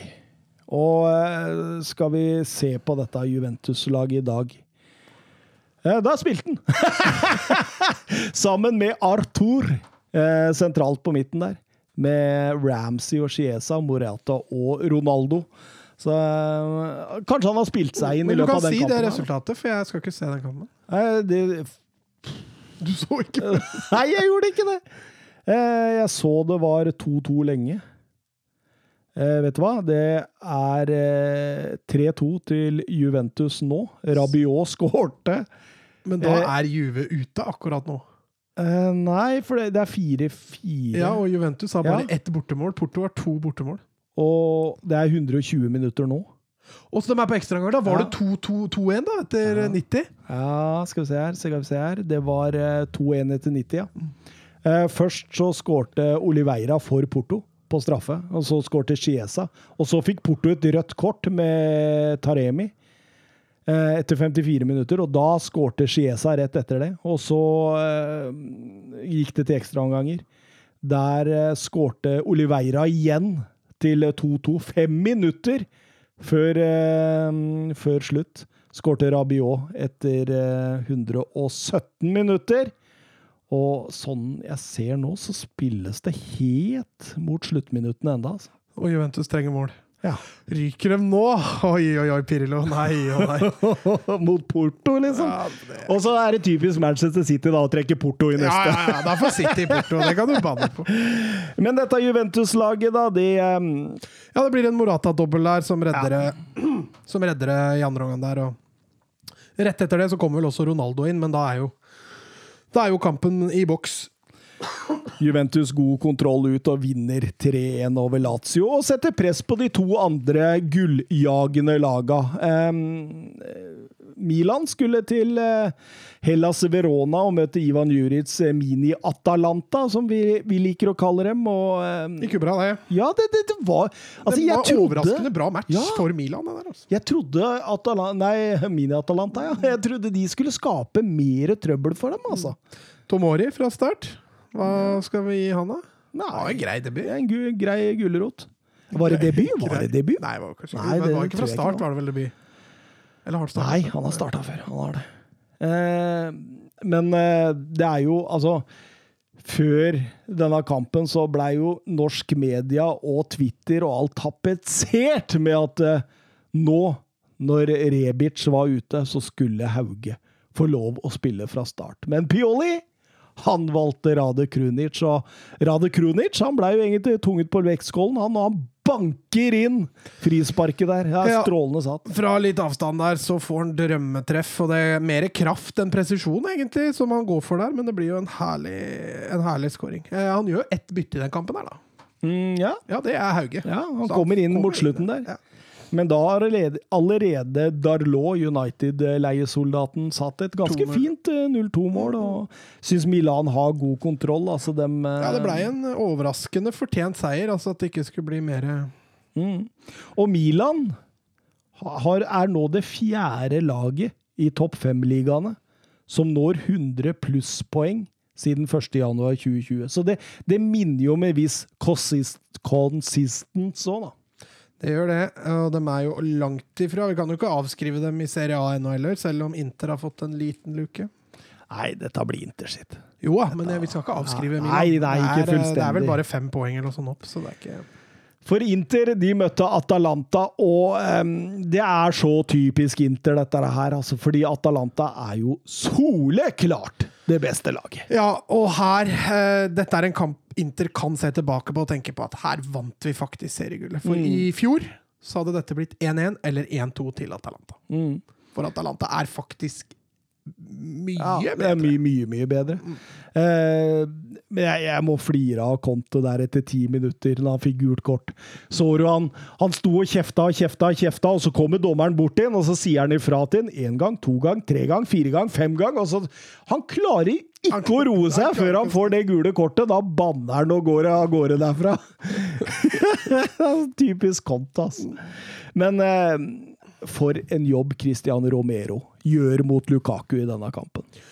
Romero Men han har vi skrytt av før. Ja, ja, ja. Han, han er jo vent, han på lån helt- ja, ja, ikke- Nei, de kjøpte den jo. Ble han kjøpt? Ja, det var, det, det, var så, det var det vi de var så overraska Nei, det der er eh, klassestopper. Altså, dette her kan bli en av Altså nok et Atalanta-kjøp som de kommer til å selge dyrt, dyrt om et år eller to, når denne koronasituasjonen Mm. har uh, roa seg.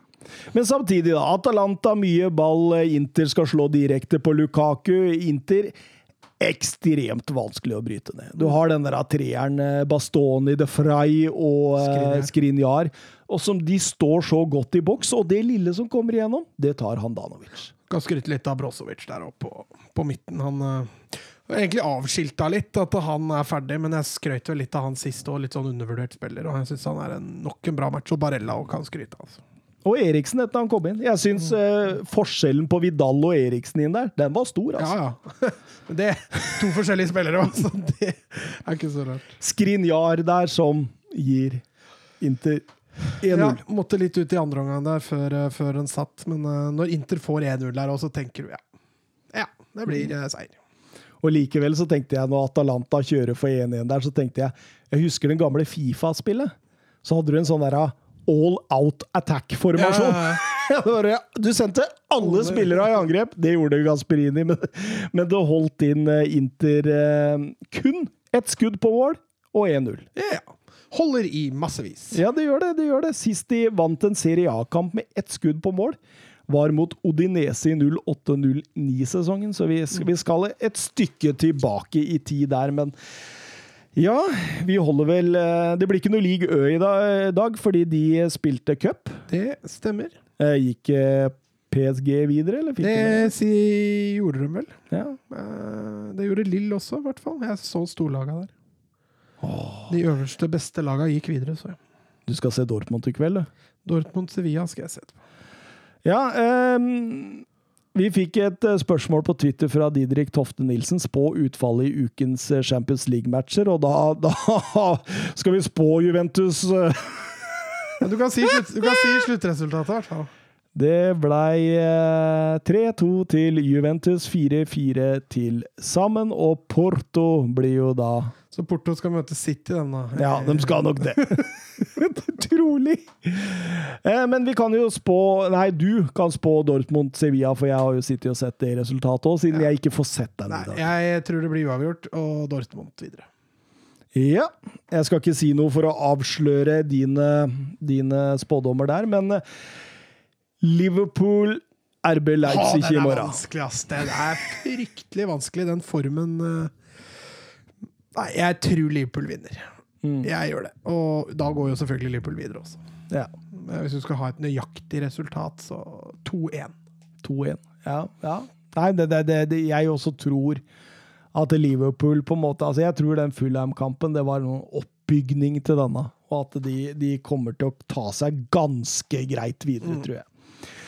Eh, Paris Saint-Germain mot Åh! Barcelona, den gleder du deg til, Mats. Ja, det blir 1-5. Barcelona er videre. Barca går videre. Hvis de gjør det, Mats, da Vet du hva, jeg har brent meg så Ja, mye på Det det. er derfor jeg håper du kommer med, for da øker sjansen litt, i hvert fall, for at Barca greier dette. Så hvis du kunne klint til nå med noen saftige greier, var det nydelig. Nei, jeg skal allerede ut på sykkeltur, så, men jeg, jeg tror eh, Om ikke de vinner kampen, det kan bli en sånn 1-1, 1-2, men de tar seg videre, PSG. Ja, nå fikk jeg, så jeg at de skal ikke Altså Moise Kean, Neymar og Bernat er ute. Ja. Så det blir jo Mbappé da, som blir eh, Og Icardi, selvfølgelig. Di Maria er vel tilbake igjen. Som har jo fortsatt over rattet, jeg der, som har kanonbra lag. uh, men eh, Det ble bare bedre og bedre utover dette. Så jeg har ikke noe tro på at Barca snur det der, men det er som du sier, da. Skulle man greie å få til en uavgjort eller en marginal seier, så vil det være må jo det være greit. Og på Twitter spør Manchester City Rikitos oss. tror dere Messi stikker fra Barcelona om det ryker mot Paris Saint-Germain. Jeg tror faktisk ikke det avhenger så mye av Paris Saint-Germain-kampen. Eh, etter at Laporta ble valgt, Ja. så økte sjansen bitte lite grann for at Messi blir. Så nå er jeg på 60-40. Jeg, jeg, jeg er enda mer, jeg. Jeg tror sånn 80-20. Jeg tror ikke han drar noe. Jeg tror Laporta kommer til å legge det der, der så til rette for Messi at uh, Messi finner ut det at, og tar til fornuften. Og finner ut at vet du hva, jeg skal bli one man club man. Men ja, altså greia her da er jo eh, Altså Nå har du jo en lønn som er helt hinsides. Og Laporta er jeg ganske sikker på er langt mer fornuftig. Mm. Han kommer ikke til å kunne få i nærheten av samme lønna hvis han blir. Men samtidig da, så handler det jo om å få inn noen sponsorinntekter og litt sånne ting. Og jeg tror at Barcelona også altså Det blir et regnestykke som må gå opp, fordi eh, sponsorinntektene vil jo falle drastisk, og Messi drar. Det gjør det nok helt sikkert, men den lønna han har hatt til nå, Ja. kan jo ikke forsvares. Nei. Uansett. Så han er nødt til å ta et lite lønnskutt uansett. Men tror, tror ikke han gjør det. Jo, jeg heller mot at han Ja, blir nå, ja. men jeg er ikke like sikker som deg. Og hvis han drar, da, hvor drar han? PSG? Ja, nå har jo Neymar vært ute og flørta i snart et halvt år, da, så City Der leste jeg at det hadde snilda han litt, at City var ikke like gira på han. Ja. Så hvis han drar og blir i Europa, så tror jeg faktisk PSG er det eneste fornuftige alternativet. Mm. Skal ikke avskrive helt at han drar tilbake til Argentina eller Kina eller et eller annet for å tjene litt penger, men jeg tror nok akkurat nå så heller det mot at det blir PSG eller Barcelona. nesten. Jeg var så fornøyd eh, forrige uke med denne Nagelsmann-linken, men jeg begynner å se den mot Barcelona. Ja, ja, ja. Laporta han hadde jo lovnader ute med Haaland òg. Og der var jo Der var jo også Raiola ute og bekrefta at han hadde prata med Laporta. Mm. Så den uh, kan bli spennende. Men Barca har jo ikke penger, så jeg vet ikke hvor de skal få dette fra. Men Nei, men nå hørte jeg det, det gikk en sånn plan. altså Nå blir det jo skrevet og sagt ekstremt mye om dette her. Men eh, åpenbart noen eh, som enten eh, vil være inside i klubben, eller har inside i klubben, som sier at de fire franskmennene skal selges. er ikke Dembélé, eller? Jo, de fire franskmennene skal Dembélé, selges. Griezmann, Lenglet og Umtiti. Mm. Eh, Og det, det, det vil jo generere litt penger. Jeg kan tenke meg det at det, det er flere Manchester United hadde sikkert tatt Dembélé. Eh, Ja. Griezmann hadde sikkert gått til PSG. jeg hadde jo mye heller solgt Coutinho enn Dembélé. Ja, men, det, men, men nå var det bare snakk om de fire franskmennene. Jeg kan tenke meg at Coutinho er en del av regnestykket. Kan, det, er, mange der som kan For Hvorfor ikke snakke om Braithwaite. Skal vi, skal vi, skal vi, nå skal jeg dra opp eh, troppen til eh, Barcelona her. Ja, og så sier vi selv, selv, selv, behold.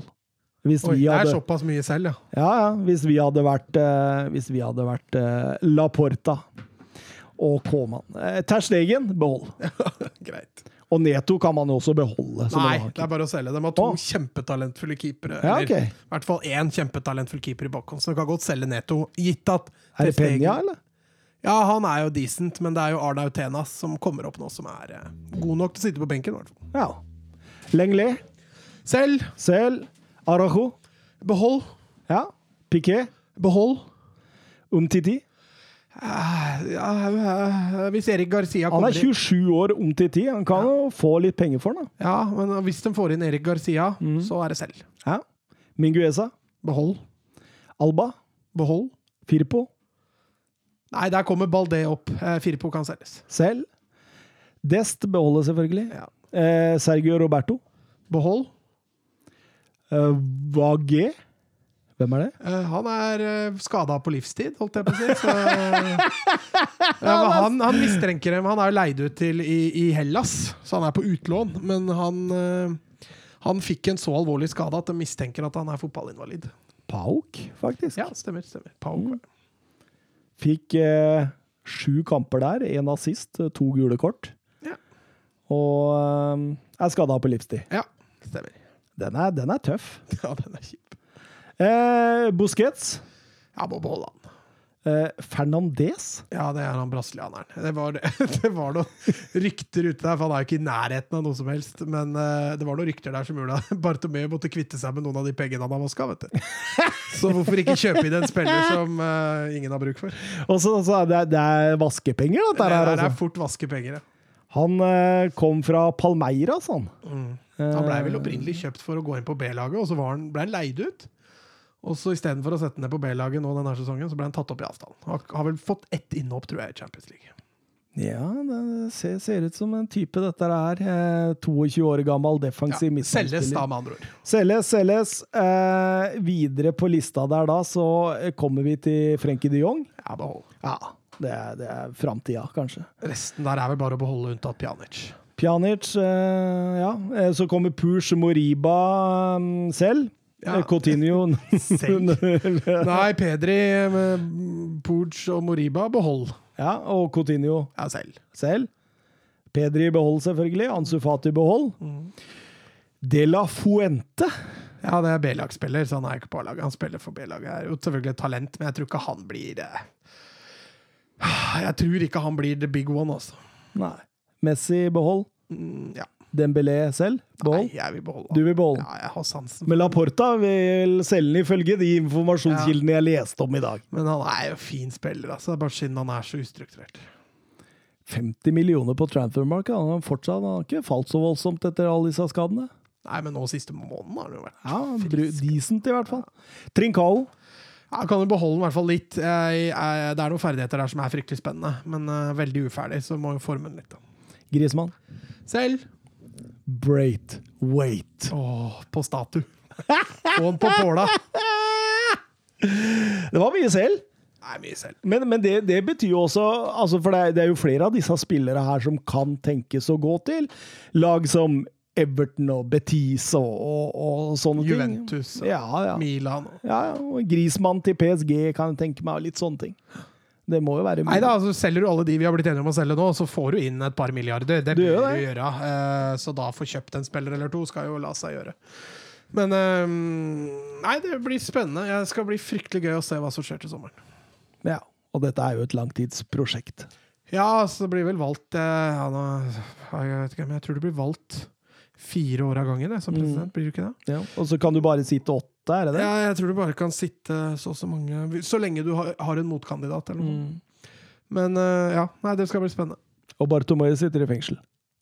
Ja, det ja, er i hvert fall sier- rykter om at han blei fengsla, ja. Jeg tviler på han satt der så lenge, men eh, han er i hvert fall ute av bildet. Og Jaume Grau, eller? Ja, Jaume Grau. Ja, han er ferdig, han da. Barca-gate, Barca-gate. Nye, nye kapitler skal skrives, både for deg og Barcelona, fordi Ja. du har jo lova en i, i Det 101. må komme et kapittel to. Åh, jeg gleder meg allerede. Og med det så kan vi vel si at eh, nå går vi inn i eh, tresifra episoders rike. Ja, det er nice. Det er kult, det er kult. 100 er overstått. Søren sitter godt plassert på toget. Men Søren har blitt en litt sånn eh, publikumsfavoritt. Folk liker den. eh, Mye Ja, gode tilbakemeldinger. Ut, altså. Vi kan ikke ha så mye publikum. Nei, det, det, det, det, var ikke er- derfor vi begynte Nei, vi, vi gjorde dette fordi vi ville møtes og prate Vi får ta inn en som virkelig hater. Ja, Som, som liksom ikke drar noe publikum. en som kan bare smelle litt om United og hele Ja, en som Liksom. kan liksom dra oss ned litt, da. Han elsker alle, han. Ja, Ja, utenom Draxler. da. ja og Det det, å gå tidlig. Da. Ja, det å gå tidlig. Jeg flira da han sto og hang over mikrofonen der. Vi er glad i deg, Søren Dupker, og det er, eh, det er podkast-lyttere våre òg, så eh, med det så eh, Skal du prøve deg på på uh, ukens visdomsord? Ja, tar du meg litt på sparket. Ja, men det er det som er eh, meninga, da. Jeg har jo ikke forberedt noe av dette før. Nei, uten strøm blir det ikke fart på Pedalen. Turte ikke si det siste! Nå slår klokka! Da blir, da blir det en F, eller hva det blir for noe bak podkasten vår. Nå bikker klokka tolv, og det hører du på oss. Derfor sier vi ha det bra, ha det bra. God natt.